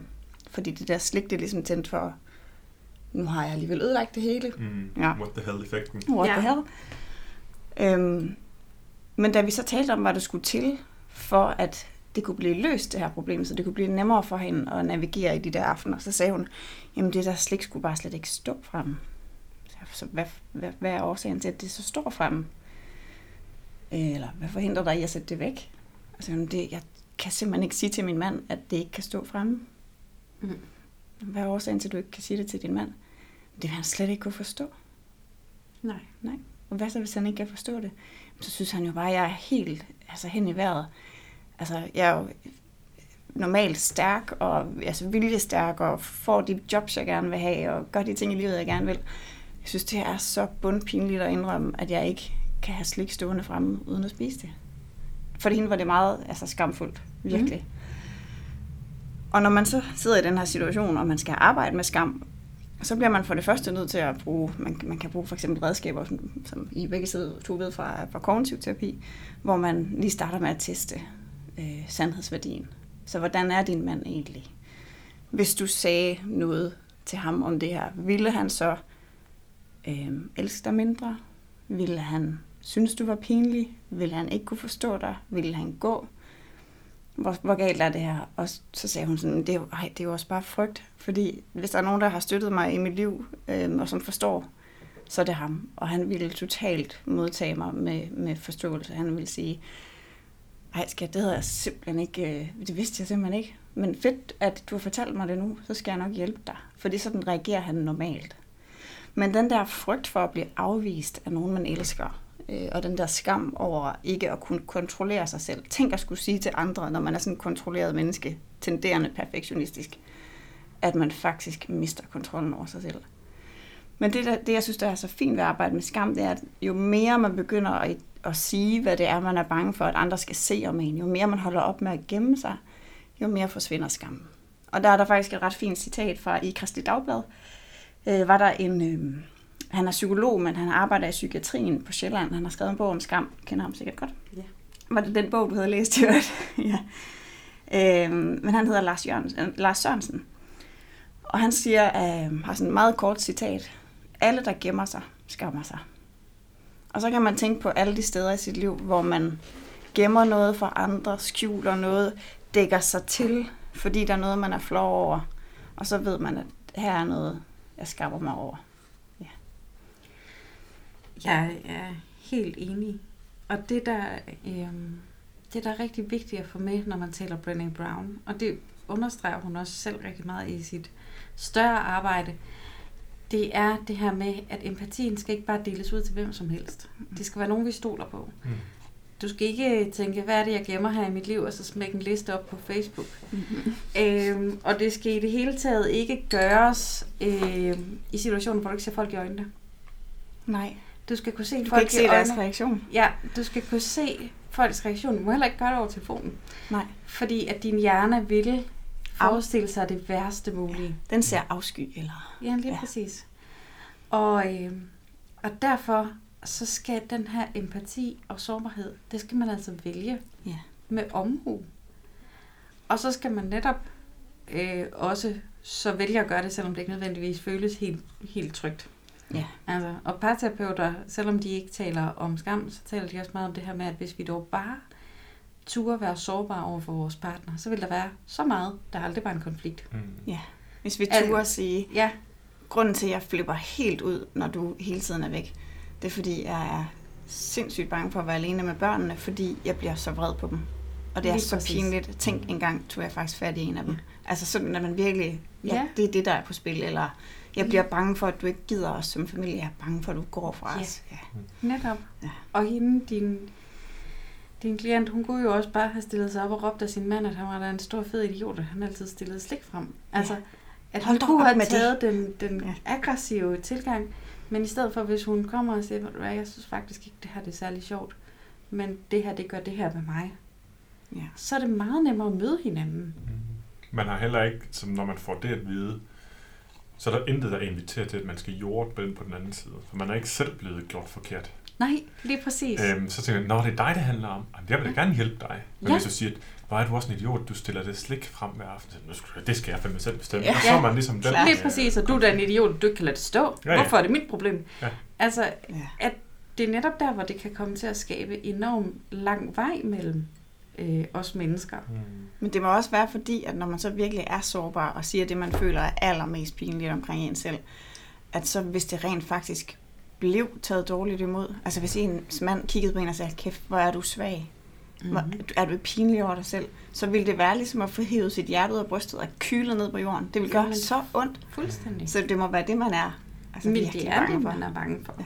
Og vi har det vel generelt med at lade os styre af ting, som ikke nødvendigvis sker, men hvis de sker, så er de rigtig farlige. Ikke? Jo, Det er jo også sådan, vi er jo sindssygt dårlige til risikovurderinger. Fordi vi går enormt meget op i katastrofer. Ja. Selvom det ikke er dem, der tager livet af de fleste af os. ja, ja. Altså, det er altså, jo, i USA, er jo for ting som selvmord ligger jo sindssygt højt på listen. Ja. Ikke? Det er jo ikke noget, folk de øh, bruger så meget tid på at snakke om, som de taler om terrorisme. Som de jo slet ikke burde tale om, hvis vi skal tale om, altså hvad havde de, jeg tror de har haft over 200 øh, mass shootings i USA indtil Mhm. videre i år. vi burde jo også... Det burde man måske være mere om, sgu, ikke? Jeg mener det er statistisk, nu må I ikke hænge mig op på det, men der var en terrorforsker, der sagde, at vi burde have været mere bange for terror i 90'erne. Fordi der var meget mere terror, det var bare i Irland, Ja. øh, for Og eksempel. det er også i Spanien. Og ja, hvor det, hvor, hvor det var på en måde, hvor vi ikke oplevede, at det havde så meget med os at gøre. Mm. Øhm, men der er, altså, ja, vores hjerne spiller os jo en hel masse pus Ja. Hele tiden. Ja, det er jo sådan en generel pointe, som, som også Morten Svane har talt lidt om i vores Ja. podcast, Slut med Forbudt, som lige er lidt på pause, men forhåbentlig kommer tilbage. Der har vi jo talt meget om, at vi bliver nødt til at forstå, at vores hjerne er jo ikke et sandhedsvidne overhovedet. Vores hjerne er en kompleks øh, overfortolker øh, af minimale input udefra. Ja. Baseret på alle mulige ting, som er foregået tidligere i vores liv, og selvfølgelig også, hvad vi ellers har bare sådan helt Og Ja. vi ser ikke verden som den er, vi ser den som Nej. vi er. Ja, og Ja. en, Altså, Og det er ikke kun sådan det er ikke en pseudovidenskabelig Nej. Det er faktisk rigtig præcist. det er fuldstændig, altså vi ser det med de filtre, øh, som vi selv har sat op for den. Mm. Og det er netop også der, hvor skam bliver farlig også. Fordi hvis dit filter er skam, hvis dit filter er, jeg har ikke nogen ryggrad, hvis din filter er, jeg kan ikke modstå fristelser, Mm. så vil din hjerne sortere det ud, der underbygger det. Ja. Og så alle de områder, hvor du kan modstå fristelser. Mm. Sparker du din chef, når han er dum? Nej. Det var en fristelse, du modstå. Smed du Ja. dit barn ud af vinduet, da hun Ja. havde skrevet i to timer? Nej. Lige præcis. Nej. altså, at, at det er vidderligt problematisk, at vi tror, det er sådan. Ja, og man oplever det især, synes jeg, med, nu har jeg mest med kvinder at gøre, men den der, at hvis man har et filter af skam, når man så går ud i verden, så når nogen står og snakker, så antager man, at de snakker om, at man har for kort kjole på til de ben. Ja. Ja. Eller når man kommer ind i en bus, så tænker man, ej, ham der, han ser sådan ud i ansigtet. Det er nok, fordi han håber, jeg ikke skal sætte sig der, fordi jeg fylder for meget. Man, man begynder at, at se spøgelser alle vegne. Og, og man, man tæller det faktisk med, de der øh, voldsomme antagelser. Som tæller sandheder. man med som sandheder, Yes. så det bliver Ja. faktisk bekræftende, underbyggende oplevelser, selvom det i virkeligheden ikke var en oplevelse. Det var bare noget, man fandt på, eller forestillede sig. Lige Ja, udover at man så også reelt bliver dømt, som så kommer oveni, ikke? Og det er så det, der Bliver det er behandlet. Jo, dårligt. men, lang, men rigtig mange situationer vil ikke være fordømmelse. Og hvis man bare går i gang med at undersøge det derhjemme, Ja. øh, jeg har sådan et eksempel, der er noget parterapi, der hedder ACT, øh, Acceptance and Commitment Therapy. Ja, hvor det blandt andet handler, øh, de taler om det her med, at man skal undgå øh, sit tankemonster. Ja. Den øh, version af kæresten, som er inde i hovedet.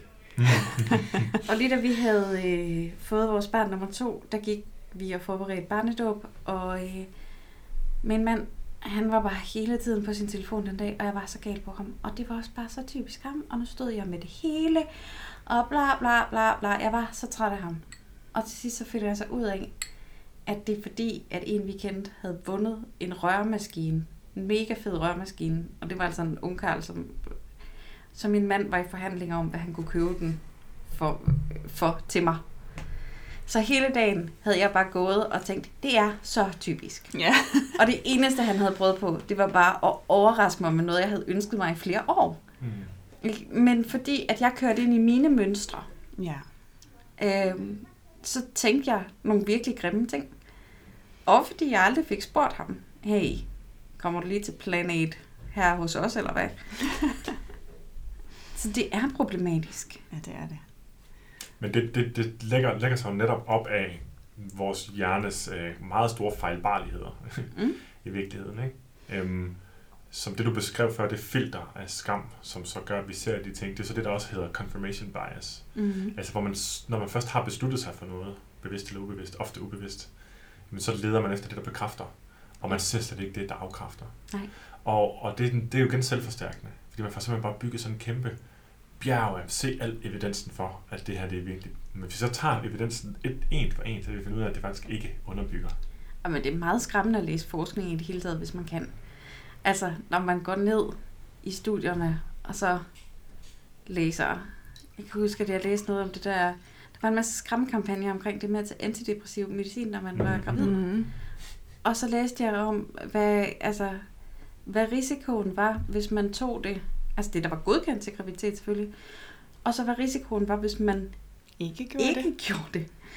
Og det var jo sådan, ja, der er en risiko ved at tage det med det og det, og så er der en risiko med det og det. Ja, ikke at tage det. Ja, lige præcis. Altså, at, at du kan jo sige noget, som er så at sige rigtigt, Mm. men som ikke er sandt.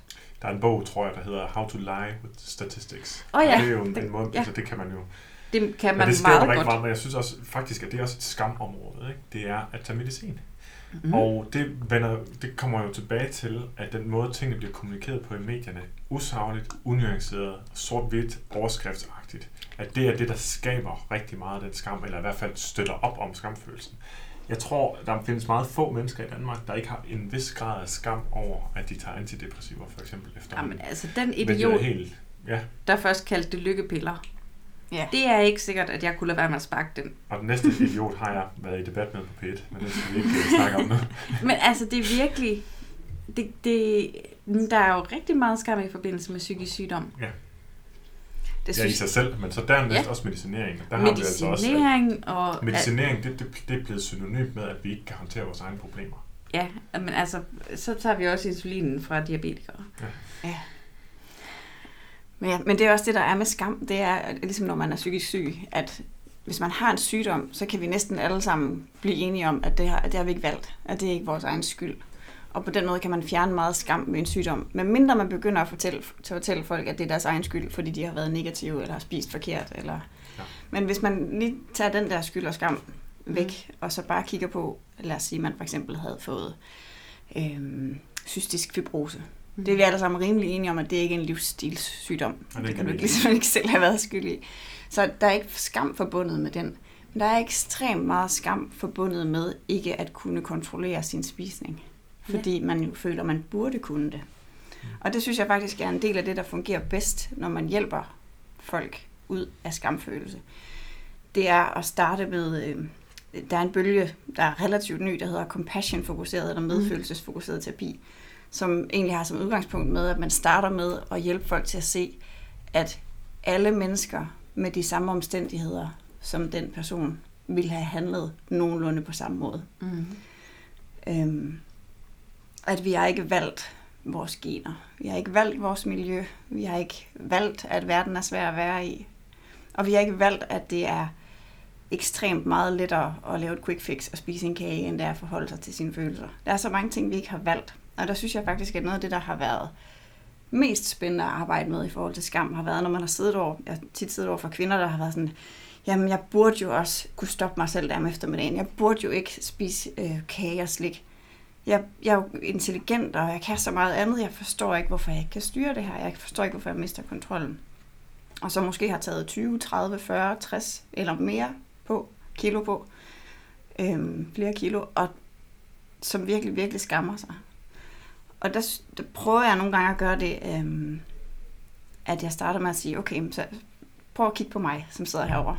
Og så kigge mig i øjnene, og så forestil dig mig som en lille baby, blive placeret i en misbrugsfamilie, hvor min far er alkoholiker, øh, og min mor er prostitueret, og jeg sidder alene hjemme, og der er ikke nogen, der kigger mig i øjnene. Der er ikke nogen, der smiler til mig.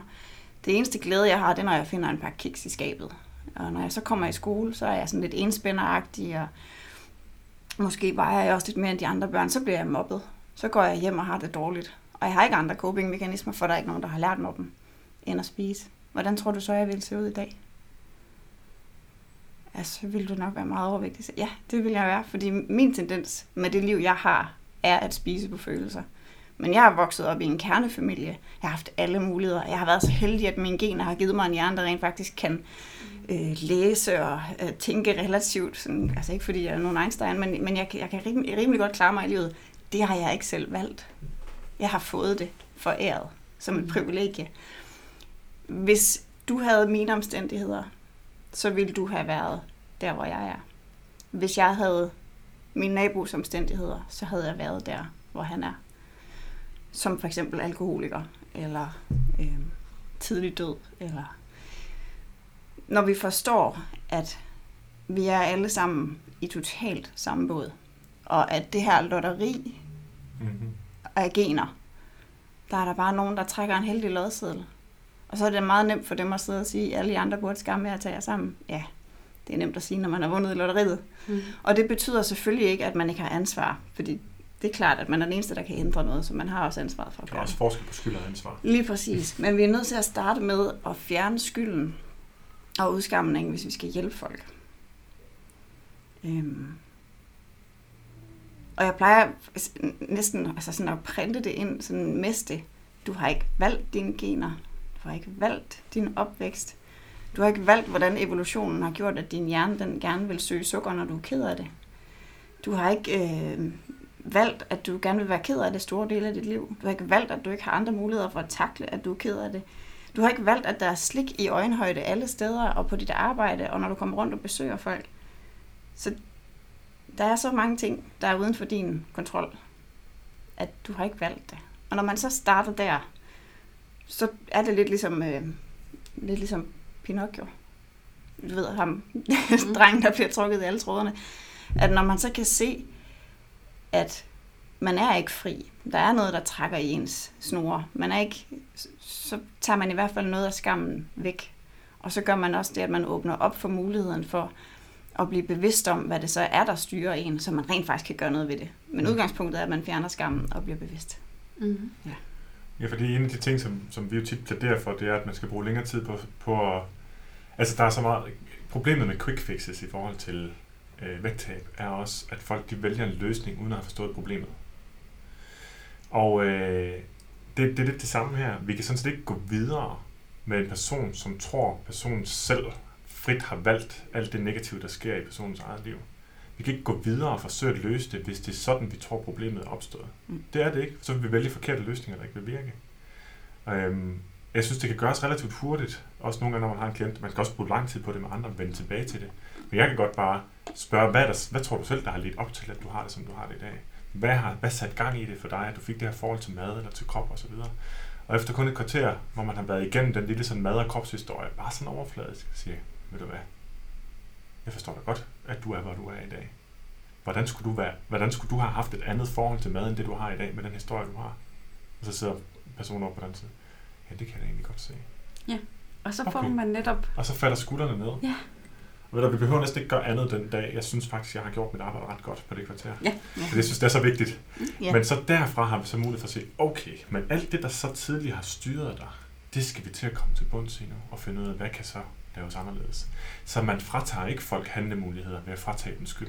Mm. Man giver dem faktisk muligheden for at tage, tage hånd om det, når vi har fundet årsagerne. Mm. Ja. Det synes jeg er en, en, en for mig Og- synes jeg, det fungerer rigtig godt.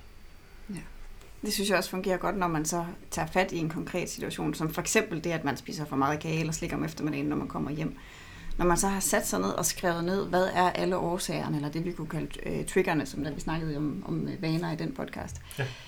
Øhm, hvad er så årsagerne? Jamen, jeg, det er det tidspunkt på dagen, hvor jeg er mest træt. Min hjerne er fuldstændig brændt af. Jeg kan næsten ikke tænke, øh, knap nok handle ind og tage beslutninger. Jeg skal hente børn lige om lidt, og ved, at det bliver også lidt hårdt, for selvom de er søde, så stiller det altså også virkelig mange krav. Mm-hmm.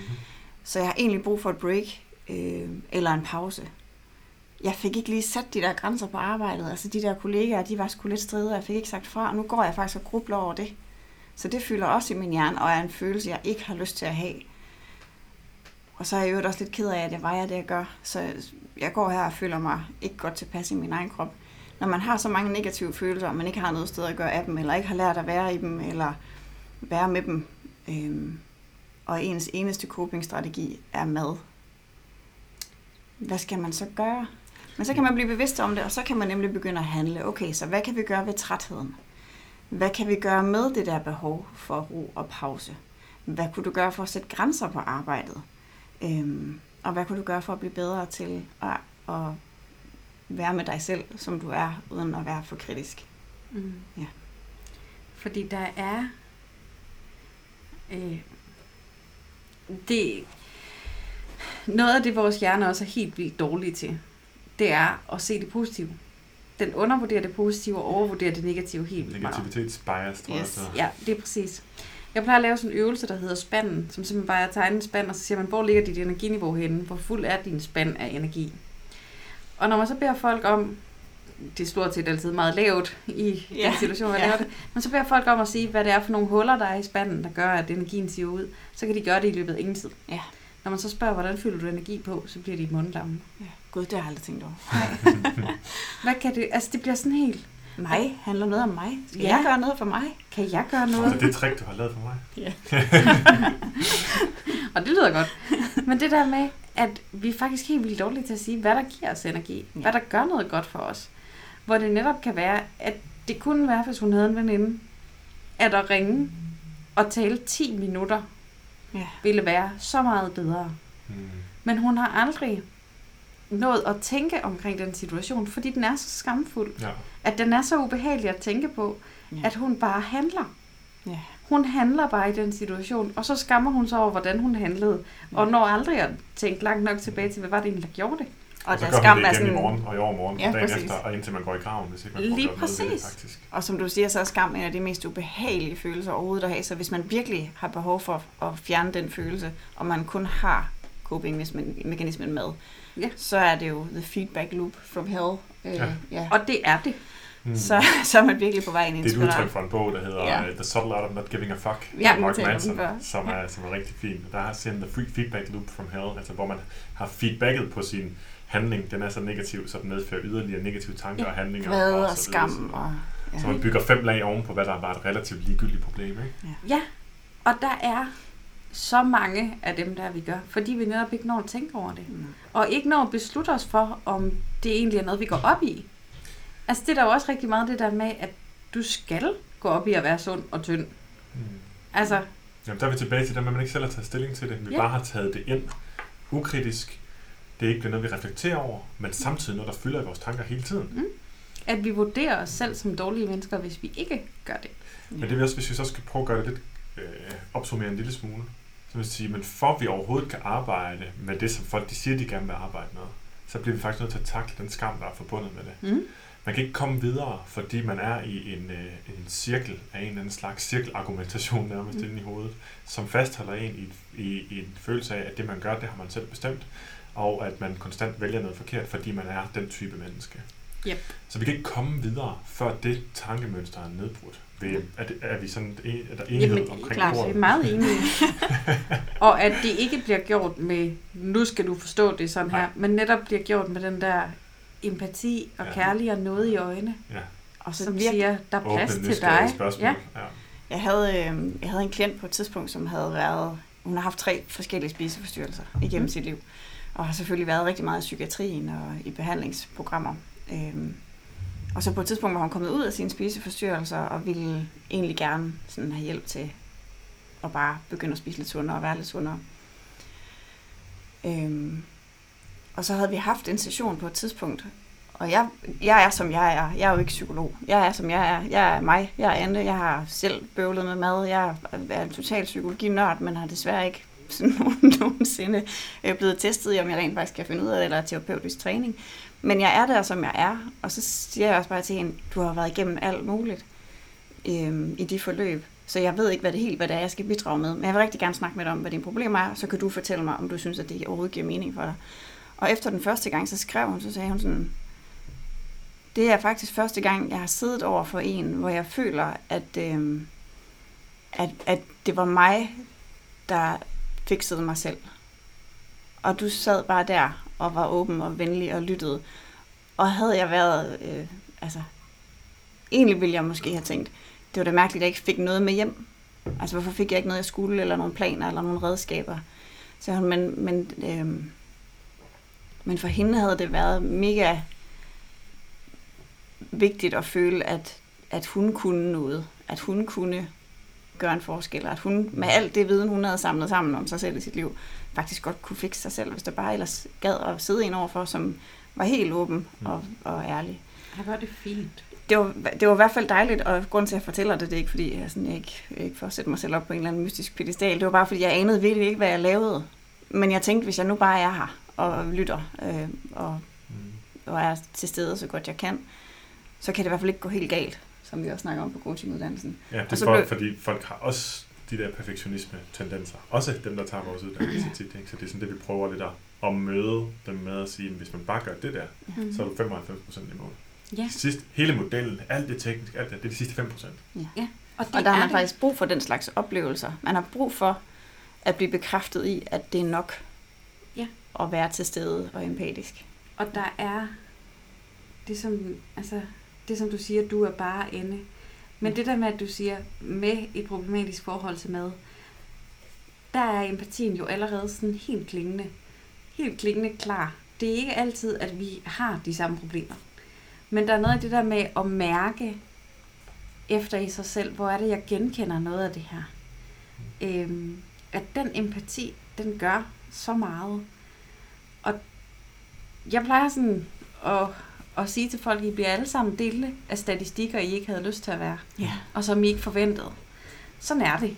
Om det, altså, og det er ikke fordi, jeg mener, at man skal skamme sig over skilsmisse, men der er enormt meget skam i forbindelse med skilsmisse, fordi det er altid en drøm, der går i stykker, Ja. for eksempel. Øh, og det, det kan være alle mulige ting. Vi bliver alle sammen dele af statistikker, vi ikke har lyst til på et eller andet tidspunkt. Og så gælder det om at kunne, kunne spejle os i hinanden og sige, ja, jamen, det tager ikke din værdi fra dig. Nej.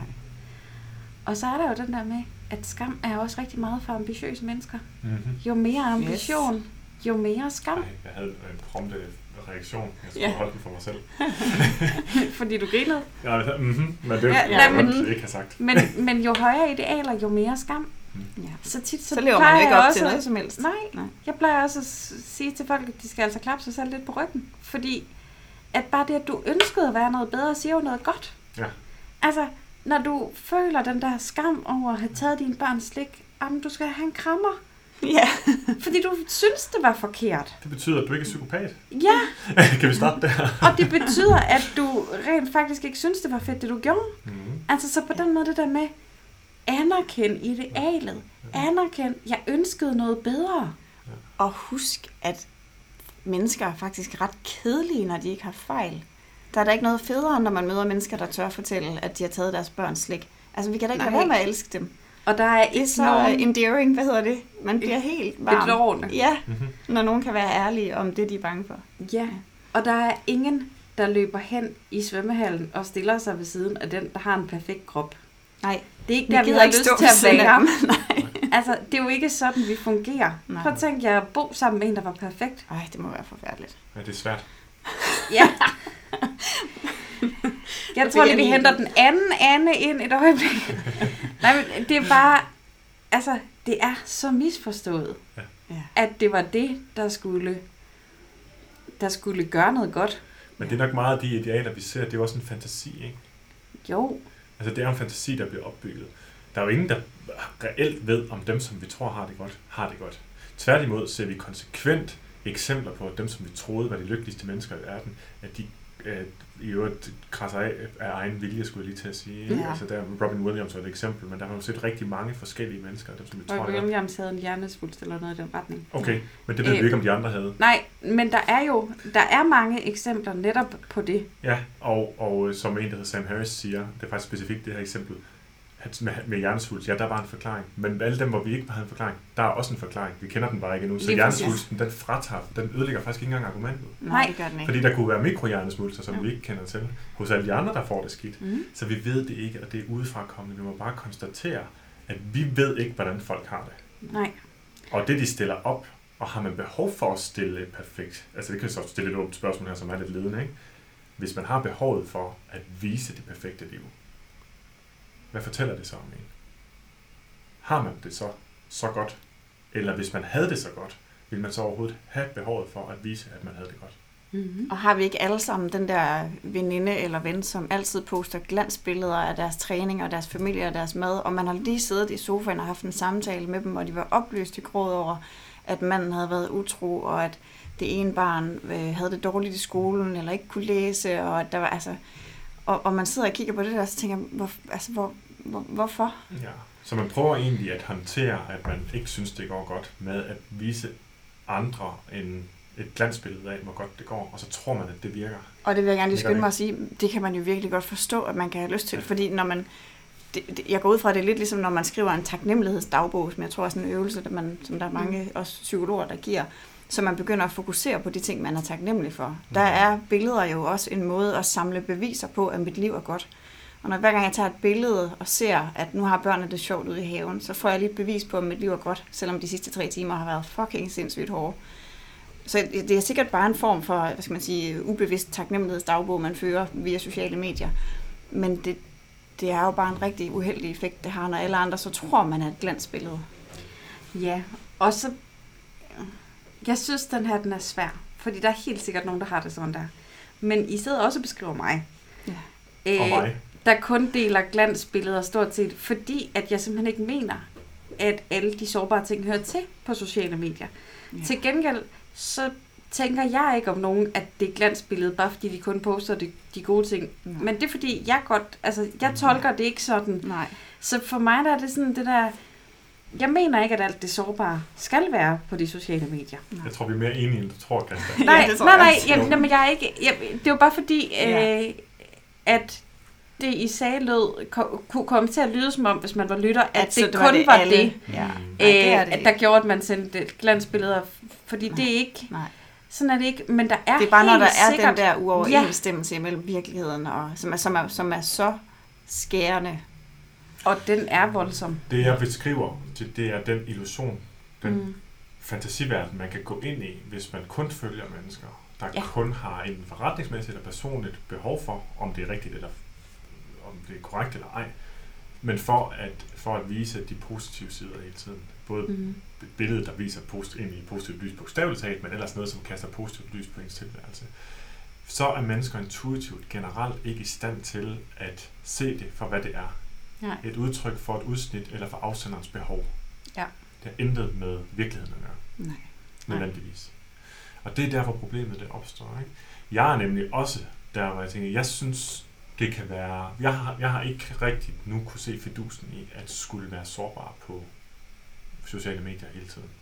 Jeg synes for mig, at det er meget privat. Der er så et område af mit liv, hvor jeg tillader mig, hvor jeg har brug for at være sårbar. Jeg simpelthen skal ud med det. Det er så i forhold til, hvor hårdt det kan være at have børn, især når det ene ikke rigtig sover om natten, og vi andre Mm. der forældre ikke gør. Men det er jo igen mit behov. Og det tror jeg måske er relevant at huske på, at når folk deler noget på Instagram, så er det i 99,999 procent af tilfældene afsenderens behov, der bliver dækket, Mm. og ikke vores problemer, der bliver løst. Ja. Øhm, det og kan i hvert fald mine hjælpe til at forstå det. ikke? er også et behov. På den måde, Og jeg synes, det er okay. at Vi andre skal bare forstå det. jeg mener, at det er det, sociale medier er til for. Jeg vil gerne se alle de hyggelige billeder fra Mhm. alle mine venner. Og hvis det er det, jeg gerne vil se, så er det også det, jeg skal være med til at bringe kultur af. Ja. Jeg vil gerne se alt det hyggelige. Jeg vil også gerne se, når det går galt. Altså den anden dag delte jeg billeder af mine børn, der havde malet sig selv med vandfarve. Ja. Øh, fordi mor kiggede væk et øjeblik. Det kan være hurtigt Øh. lige pludselig. Ja, lige præcis. Men der er også noget sårbarhed, som er rigtig godt at dele. Men det skal ikke være et sorg. Det skal være et ar. Du skal Mm. på en eller anden måde være okay med det selv, for at Ja. det kan holde til at komme derud. Og når jeg er ude og tale øh, rundt omkring, der bruger jeg altid mig selv. Øh, og der deler jeg ting som... Men der kan jeg også se folks... Du se deres Ansigt. reaktion. Jeg deler ikke det grimmeste, men jeg deler min usikkerhed. Mm. Øh, jeg deler de ting, som kan være svære, som jeg er okay med. Ja. Fordi jeg mener ikke, at jeg kan gøre det her fuldstændig bare øh, professionel psykolog komme med teorien. Hvis folk skal mærke, hvordan det føles og møde empatien, så er de også nødt til at møde den. Og hvis de skal være modige og vise Mm. sårbarhed, så er de også nødt til at se rollemodellen modig, Ja, sårbar. lige præcis. Og at det ikke tager noget fra mig. Da vi skrev om det her Instagram-univers, og hvordan sammenligningskulturen der kunne, Mhm. kunne skabe alt den skam og dårlig samvittighed, så valgte vi også i bogen, Svane, Måns Svane og jeg, øh, kun til at nævne det, fordi jeg ville have troet, at to måneder efter vi havde skrevet den, der ville jeg synes, at alt, hvad vi har skrevet, var forkert. Men jeg er faktisk relativt tilfreds med det overordnede budskab, vi har fået Det kan jeg godt forstå. Og øhm, en af de ting, som jeg synes var rigtig fint, det var, at vi, vi skrev aldrig nogensinde negativt i slutningen af om folk, der deler glansbilleder af sig selv. Folk, der deler billeder af sixpack. Folk, der gør det. Det vi skrev deraf, det var til læseren. Prøv at mærke efter. For det skal man nemlig en gang imellem. Apropos Svend Brinkmann, som har lavet en kritik, som jeg synes er fin. Øhm, hvordan har du det, når du har, når du har set de her billeder? Ja. Hvordan har du det bagefter? Så det var aldrig afsenderen, der skulle Nej. udskammes for at øh, vise glansbilleder. Der er ikke nogen, der har sagt, at man ikke må vise glansbilleder. Nej. Vi Nej. skal bare forstå, hvad det er, og hvordan vi forholder os til det. Og hvis vi ikke kan se på dem uden at tænke, for jeg er et dårligt menneske i forhold til det her, så skal man nok ikke følge de profiler. Nej. Alternativt, det, det ideelle, den bedste version af mig selv, vil være en, der kunne se på alle de ting, og så bare være glad på deres vegne. Men det er jo også et åndssvagt ideal at sætte op, ikke? fordi det er der altså Jo. ikke nødvendigvis så mange, der kan. Nej, og, og der er du nemlig inde i det, som jeg synes er så vigtigt, det med, at det handler om, at hvis du ser på de der ting og dømmer dig selv for ikke at være sammen, det er jo din egen dom, Mm. ikke? Og der bliver det et problem. Når jeg ser på de der fitnessprofiler, eller hvad det nu er, så tænker jeg, her Jemini, kan I ikke gå op i noget mere vigtigt? Øh, altså, fordi og jeg det ser, er en... med min barn, jeg ser spiseforstyrrelser hele tiden. Ja, Nå, men, og det er ikke fordi, nu kommer det til at lyde øh, så heldigt fra min side, men jeg interesserer mig bare ikke for det. Nej. Jeg ville have at bruge så mange timer på det. Der er så mange ting, jeg hellere ville. Så for mig rører det ingenting. Altså, Nej, det er kun, hvis man har det er når det du... ønske for sig selv, Ja. at man bliver stødt af, at Ja. andre sætter det op, hvis man Lige ikke føler, man præcis. kan opnå det mål. Og jeg tænker, hvis jeg havde brugt så mange timer på et eller andet, så ville jeg imod ikke også vise det frem. Så Ja. godt gået til jer. Ja. Fint. Men det rører mig ikke. Nej. Nej. Men Det så er der god andre pointe. ting. Jeg forstår, for jeg forstår virkelig også godt, at folk, der har deres krop som projekt, konstant tager billeder af den og viser det frem. Jeg forstår det virkelig godt. Der er ikke et, et græn af mig, der ikke forstår, hvorfor man gør det. Jamen, det er da så fint. Gør det. Jeg går, det, det, det rører bare ikke mig. Nej. Men det betyder ikke, at det ikke er nogen, det ikke rører. Så er der andre, som lægger billeder op af, at de går hjemme med deres børn, og kan få dem til at være underholdt af at kigge på en kornmark eller et eller andet. Øh, totalt digitalt frit, og, og jeg, hvor jeg virkelig bliver ramt. Mm. For jeg har ikke lyst til at gå hjemme. Og jeg kan ikke underholde mine børn på den måde. Nej. Så der bliver jeg ramt. Så kan man skamme sig over en iPad, man stiller frem i tid og utid, eller man kan skamme sig over, at de ser Ja. for meget fjernsyn. Og at verdens bedste ven er gurligris. Ja, lige præcis. Øh, og alt det andet. Og lige gris. lige præcis. Øh, og der er, altså, det er jo netop det der med, hvad er det, du gerne selv vil være? Og der skal man virkelig passe på, og der skal man passe på med de sociale medier. Men de sociale medier kan virkelig også være en glædesting, hvis du vælger med omhu. Mm. Det er Instagram for mig. Ja. Jeg henter så meget glæde der, fordi det er mine venner, jeg er venner med, og jeg ser billeder af deres liv. Det er Og jeg fantastisk. elsker det. Der er et udtryk, som jeg har fundet på, Sådan, som jeg synes også gælder her. Um, og, og, og jeg gentager det, fordi jeg tror, måske på et tidspunkt får jeg også snøvlet mig sammen til at få skrevet om det og få uddybet, hvad det handler om, så det bliver sådan noget, vi kan, vi kan huske på. Og det er egentlig meget simpelt. Um, mindre reaktion, mere refleksion. Og med refleksion, så mener jeg ikke, at man skal gruble. Nej, så mener jeg, at man skal netop reflektere over, hvad er det, jeg vil. I stedet for, at man konstant får der behov, der opstår på baggrund af, hvad man ser. Mm. Man reagerer på det, man ser på Instagram på den ene eller den anden måde. Så vil jeg hellere have folk, de reflekterer over, hvilket menneske vil jeg gerne være. Ja. Og så er jeg lidt uenig med, at det opstår ved, at man ser noget. Nej, ja. Men nej, det er det. ja. Nej, men fordi... Om jeg ved også, at du sådan set er enig med mig. Fordi at det er aldrig en situation, der giver en følelse. Det er altid det, vi tænker om situationen, om os selv og om, hvilke ressourcer vi har, Mm. der giver følelsen. Klart. Men det var Altså, reaktionen. Så. Lige præcis. Ja, det der med, at hvad jeg poster, vil gøre nogen glad, og nogen ked af det, og nogen ulykkelige, fordi de måske ikke har børn og gerne vil have det, og nogen vil det vække afsky hos, fordi de tænker, har hun virkelig ikke andet at gå op i? Mm. Eller hvad det nu er. Men det handler altid om dem. Ja. Og Helt hvis der er nogen, der synes, mine lår er tykke, fint nok. Jeg er kun tynd, når jeg har det virkelig skidt. Ja. And I don't care. Ja. Altså, Præcis. så Men der er i, og det synes jeg også, vi bliver nødt til lige at få med her, Ja. der er ikke længe til vi slutter alene af den grund, at jeg tror, det er sundhedsskadet at sidde i den her varme. øhm, der er i fitness- og sundhedsbranchen også decideret udskamning. Der Ja. findes masser af decideret stigmatisering. Der findes mødre, fitnessmødre, som har sixpack to måneder efter de har født, og så siger, if I can do it, you can do it. Hvilket simpelthen bare er løgn. Ja. Det kan man ikke påstå. Ja. Øh, det lyder motiverende, på Mhm. mm-hmm. lige i første øjekast, men i virkeligheden, så er det ikke den reaktion, som det kommer noget. Igen, folk må Enig. rent lovligt poste, hvad de vil, og det er vores eget ansvar i princippet, hvad vi føler, og hvordan vi reagerer på det. Men der er i hvert fald en meget stærk tendens i fitnessmiljøet, øh, som bygger på en tendens i det generelle samfund, hvor jeg tror, det er TV2, der lavede en spørgeskemaundersøgelse sidste år, hvor omkring 80% af de danskere, de havde adspurgt, som skulle være repræsentative, mente, at fedme var bare 100% ens egen skyld. Så Ja, vi har altså en manglende forståelse for de strenge, der hiver i vores trælemmer, skulle jeg til at sige, eller Pinocchio-analogien, som gør, at vi har en fejlagtig forståelse for, hvor meget herre vi er over for vores egen adfærd, som igen gør, at vi føler os, øh, at vi føler enormt meget skam, når vi ikke kan det, vi synes, vi gerne vil. enig. Øh, og det, vi gerne vil i øvrigt, har, er bundet til, hvem vi synes, vi gerne vil være. Ikke? Ja. Øhm, og, og meget af det, som vi har talt om jo også i bogen og kritiseret, altså den gamle bog, slut, den gamle bog, den virker sådan Den nu. er ikke så gammel. Nej, det er resten år.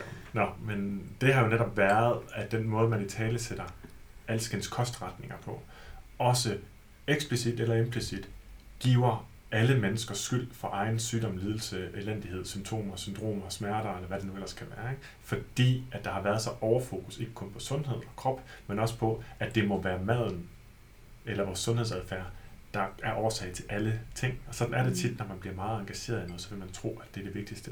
Hvis man nu går helt vildt op i digital, digitalisering, og hvor farligt det er, så vil man tro, at det er det vigtigste problem at løse mm. i verden. Øh, og så fremdeles. Ikke? Mm. Øhm, så der har været rigtig meget. Der var sådan et begreb, du bragte på banen, fordi jeg næsten helt havde glemt det, med det her clean eating, hvor man egentlig fortæller folk, enten igen direkte eller indirekte, at de er beskidte indeni, og det mm. er de selvforskyldt. Og øh, hvis de har, og hvis de skal komme det til liv, så skal de selv gøre noget ved det. Eller hvis du nævner, at du har en ledelse, så siger de, at du skal jo spise på den og den måde. Og der igen, øh, implicit siger de, at du har jo gjort noget forkert, så du er skyldig i din egen ja.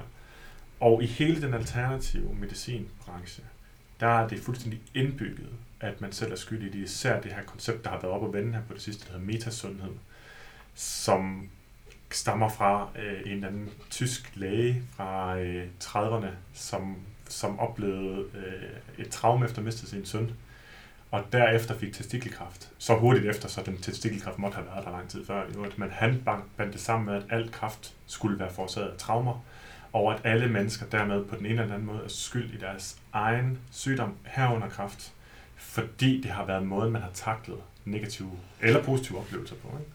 Så hele den her holistiske skyldsgørelse, den er fuldstændig central i den alternative medicinbranche, og den alternative medicinbranche er fuldstændig central i de alternative kostråd, som er blevet mainstream. Så der i ligger altså, at i næsten alt, hvad folk de læser om kost og sundhed på nettet, måske 80% af det i hvert fald, på den ene eller anden måde har råd i alternativ medicin, der altid tildeler skylden for egen sygdom og lidelse til personen selv.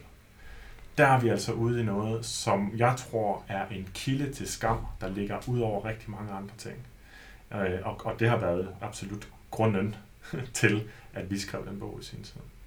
Ej, det gør ondt at høre simpelthen. Ja, tænker at man kan. Ja. Altså. Og det er derfor, det var brugt også lige lidt som mulighed for at forklare også lyttere og Ron, jeg ved ikke, hvor mange der lytter, hvorfor jeg også nogle gange kan blive en lille smule harm, og også, kom, også på en måde, det kommer til udtryk, når jeg taler om alternativ medicin. Fordi det har ikke kun den direkte, enten enden effekt eller negativ effekt på den person, der modtager det. Det har altså en helt sådan psykologisk effekt på hele samfundet, hvis vi alle sammen tror, går og tror, at vi er skyld i alt negativt, der er i vores liv. Ja. Og det er altså en central del af det. Det er det godt nok. Hvis jeg lige må øh, samle lidt op her til sidst Meget, ja. på nogle af de ting, som, som er, er det med... Jeg ned. Ja, ja det kan Jamen, med dig, med lidt derovre. Det gør ondt, det der. Det gør ondt. Det gør helt vildt ondt. Det, ja.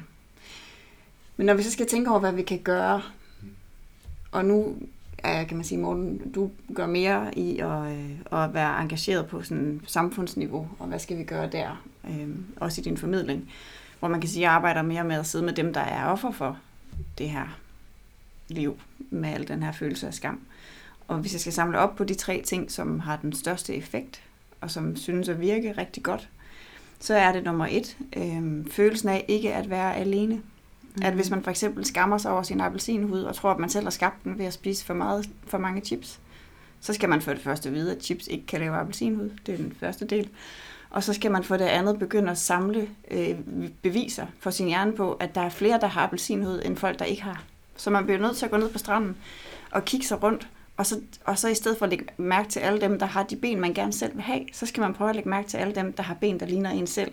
Eller måske endda endnu mere appelsinet, hvis det var det.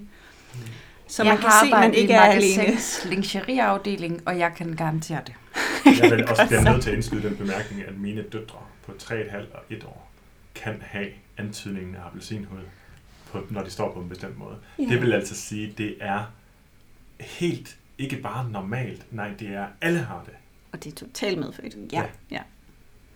Og dem, der har det, som er modeller, de får det retuscheret væk, så vi ikke kan se, at de faktisk har det. Så, men det er en ting. Man skal have en fornemmelse af, at man ikke er alene, og det gælder også, hvis man overspiser.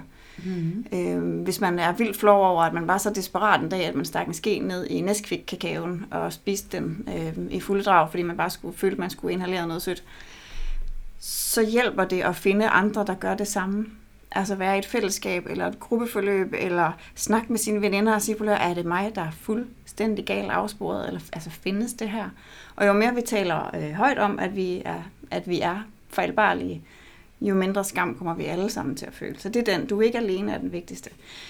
Så er der nummer to, som er, at man er nødt til at forstå, at vi alle sammen er på en eller anden måde i den samme båd, forstået på den måde, at vi alle sammen kan blive til forskellige versioner af os selv.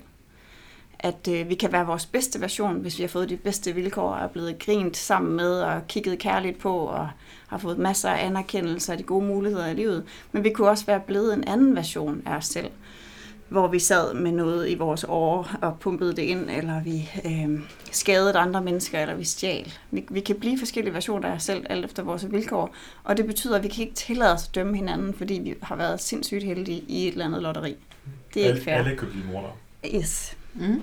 Og den sidste er, at man er nødt til at forstå, øh, når man skammer sig over noget, at det hjælper ikke at slå sig selv i hovedet. Det, der hjælper, det er at blive nysgerrig på, hvad er det egentlig, der er årsagen? Og det kan man bedst gøre, hvis man for eksempel tænker på det, som om det var ens bedste veninde, der gjorde det. Og man skulle prøve at forstå hende. Hvis hun handlede sådan her over for sine børn, hvad ville så årsagen være? Eller hvis hun spiste fire pakker flødeboller en aften, øh, hvad kunne så årsagen være? Hun har nok været for hård ved sig selv. Øh, hun har nok øh, haft for mange forbud for, hvad hun måtte og ikke måtte. Hun har nok været for meget på kur.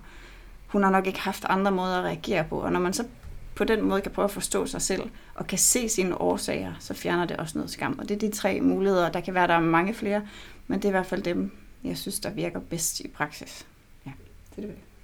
Glimrende opsummering. Jeg vil også sige, øh, når jeg har en klient, så spørger jeg meget hurtigt, men meget øh, ikke angstagtigt ind til nogle dybe ting.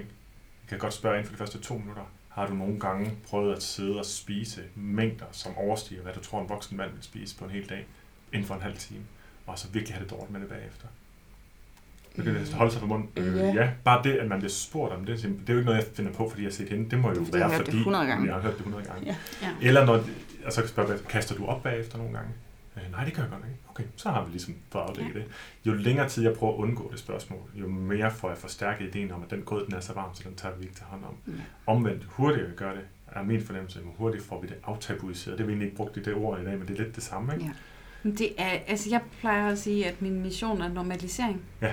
Fordi at jeg har endnu aldrig holdt et oplæg, hvor der ikke er nogen, der har tudet. Mm. Og alle, jeg har talt med, tuder af lettelse.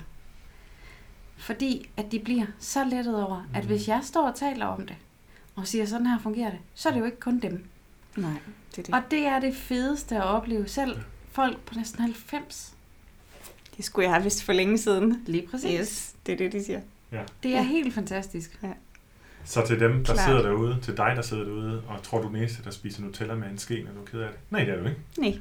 Nej. Øhm, jeg har hørt på de første 50, og øh, der er nok 50.000, og der sidder en her lige siden. Ja, to. to. To, der sidder to. Okay, jeg kan ikke give Nutella, så Nej. kan vi sige det der, det er det der kort. Det kan jeg sjovt nok ikke? heller ikke, men man kan Men det har ikke noget med det at gøre. ja, man kan godt spise det alligevel. Ja. Øh, hvis, du har, hvis du nogle gange planlægger en overspisning på en, en helt roulade og en pakke flødeboller og en liter is, for bagefter du går ud og kaste op, så er du overhovedet heller ikke alene. Det er en fuldstændig defineret spiseforstyrrelse, fordi der er så mange mennesker, der har det. Hvis du ikke kan lade være med at hive din telefon op i lommen 50 gange i timen, så er du heller ikke alene. Det er der også en grund til, og der er rigtig mange andre, der har det på samme måde. Hvis du ikke altid gør, hvad du gerne vil over for dine børn, hvad du synes, du skulle, og hvad du har planer, så er du heller ikke alene. Så er du faktisk fuldstændig ligesom alle andre. For Hvis du er drikker for meget vin og tænker, at jeg skal bare have et glas i dag, og så ender det med at blive fire eller fem alligevel, eller mere, så er du heller ikke alene. Hvis du ikke kan tage dig sammen til ikke at være depressiv, eller hvis du ikke bare kan fokusere på det gode, Mm. så er du heller ikke alene. Hvis du ikke selv kan slippe din skam, så er du heller ikke alene. Nej. Hvis du øh, er sundhedsprofessionel og ikke selv kan finde ud af det med maden, så er du overhovedet Så er du heller ikke i- alene. Den grad ikke alene. Så, nej, så vil jeg næsten tro, at du er en større, mere en del af majoriteten end minoriteten. Det tror det også. bare ikke snakket om det. Øhm, ja. Er der andre ting, vi skal have på plads? Hvis dit sexliv ikke lever op til det, som du troede, et sexliv skulle være, så er du absolut heller ikke alene. Og hvis du er Så er du en del af os 100 procent. Ja, sådan det er 100%. ja. Og hvis du er øh, overlæge eller på anden måde har en eller anden høj positioneret stilling med masser af faglighed bag dig, så er du ikke mere svag, fordi du falder i og gør noget dumt. Øh, det har ikke noget med din intelligens at gøre. Det har noget med dine følelser at gøre. Og hvis du i det hele taget er chokeret over, at livet kan være langt sværere, end du troede det ville være, så er du ikke alene. Nej. så er du faktisk en del af den øh, mængde mennesker, der hedder Der hedder- alle, Ja, der hedder Ja. mennesker. der hedder mennesker. Yes. Vi slutter med det for i dag. For dig, der har lyttet med, hvis du vil se de andre episoder, øh, gennemgang af dem, eller se show notes til den nyeste episode her, så er det foregået inde på detoxdinhjerne.dk. Øh, vi vender tilbage, når vi har mere på sinde, og vi har masser. Øh, vi skal blandt andet tale om øh, det fedmefremmende samfund og den illusion om den frie vilje, om ikke så længe. Hvornår det bliver, det ved jeg ikke. Vi skal også tale om... Øh, Stressspisning. om stress, spisning på følelsen af Yes. Øh, hvordan det er forskelligt fra mennesker, og hvilken, hvordan man kan takle det. Vi skal også tale om fedtforbrændere, tror jeg, vi er ved at samle et godt kartotek. Der er der slankepiller og fedtforbrændere. Slanke, slankepiller Mm. og fedtforbrændere. Så vi har mange, og vi har 15-20 andre emner stående, men nu vil jeg bare lige give en lille teaser på, hvad vi, hvad vi lige har på vende nu. Som sagt, gå ind på detoxdinhjerne.dk, hvis I vil vide mere om, hvad vi har talt om, og øh, giv os endelig en anmeldelse på iTunes eller inde i din podcast-app. Og øh, under andre omstændigheder, så vil jeg sige tak til dig, Christa, for at være med i dag. Jeg synes, du har gjort det sindssygt godt. Jeg har virkelig lært meget. Jeg synes, på trods af varmen herinde, så, øh, så, har, så har du formået at være meget klar og tydelig og, øh, i talen omkring øh, skam. Og Ja. øh, selvfølgelig øh, tak til dig, Anne. Du Og i gider at, at lave vores podcast sammen med mig. og øh, ikke mindst tak til dig, der lyttede med.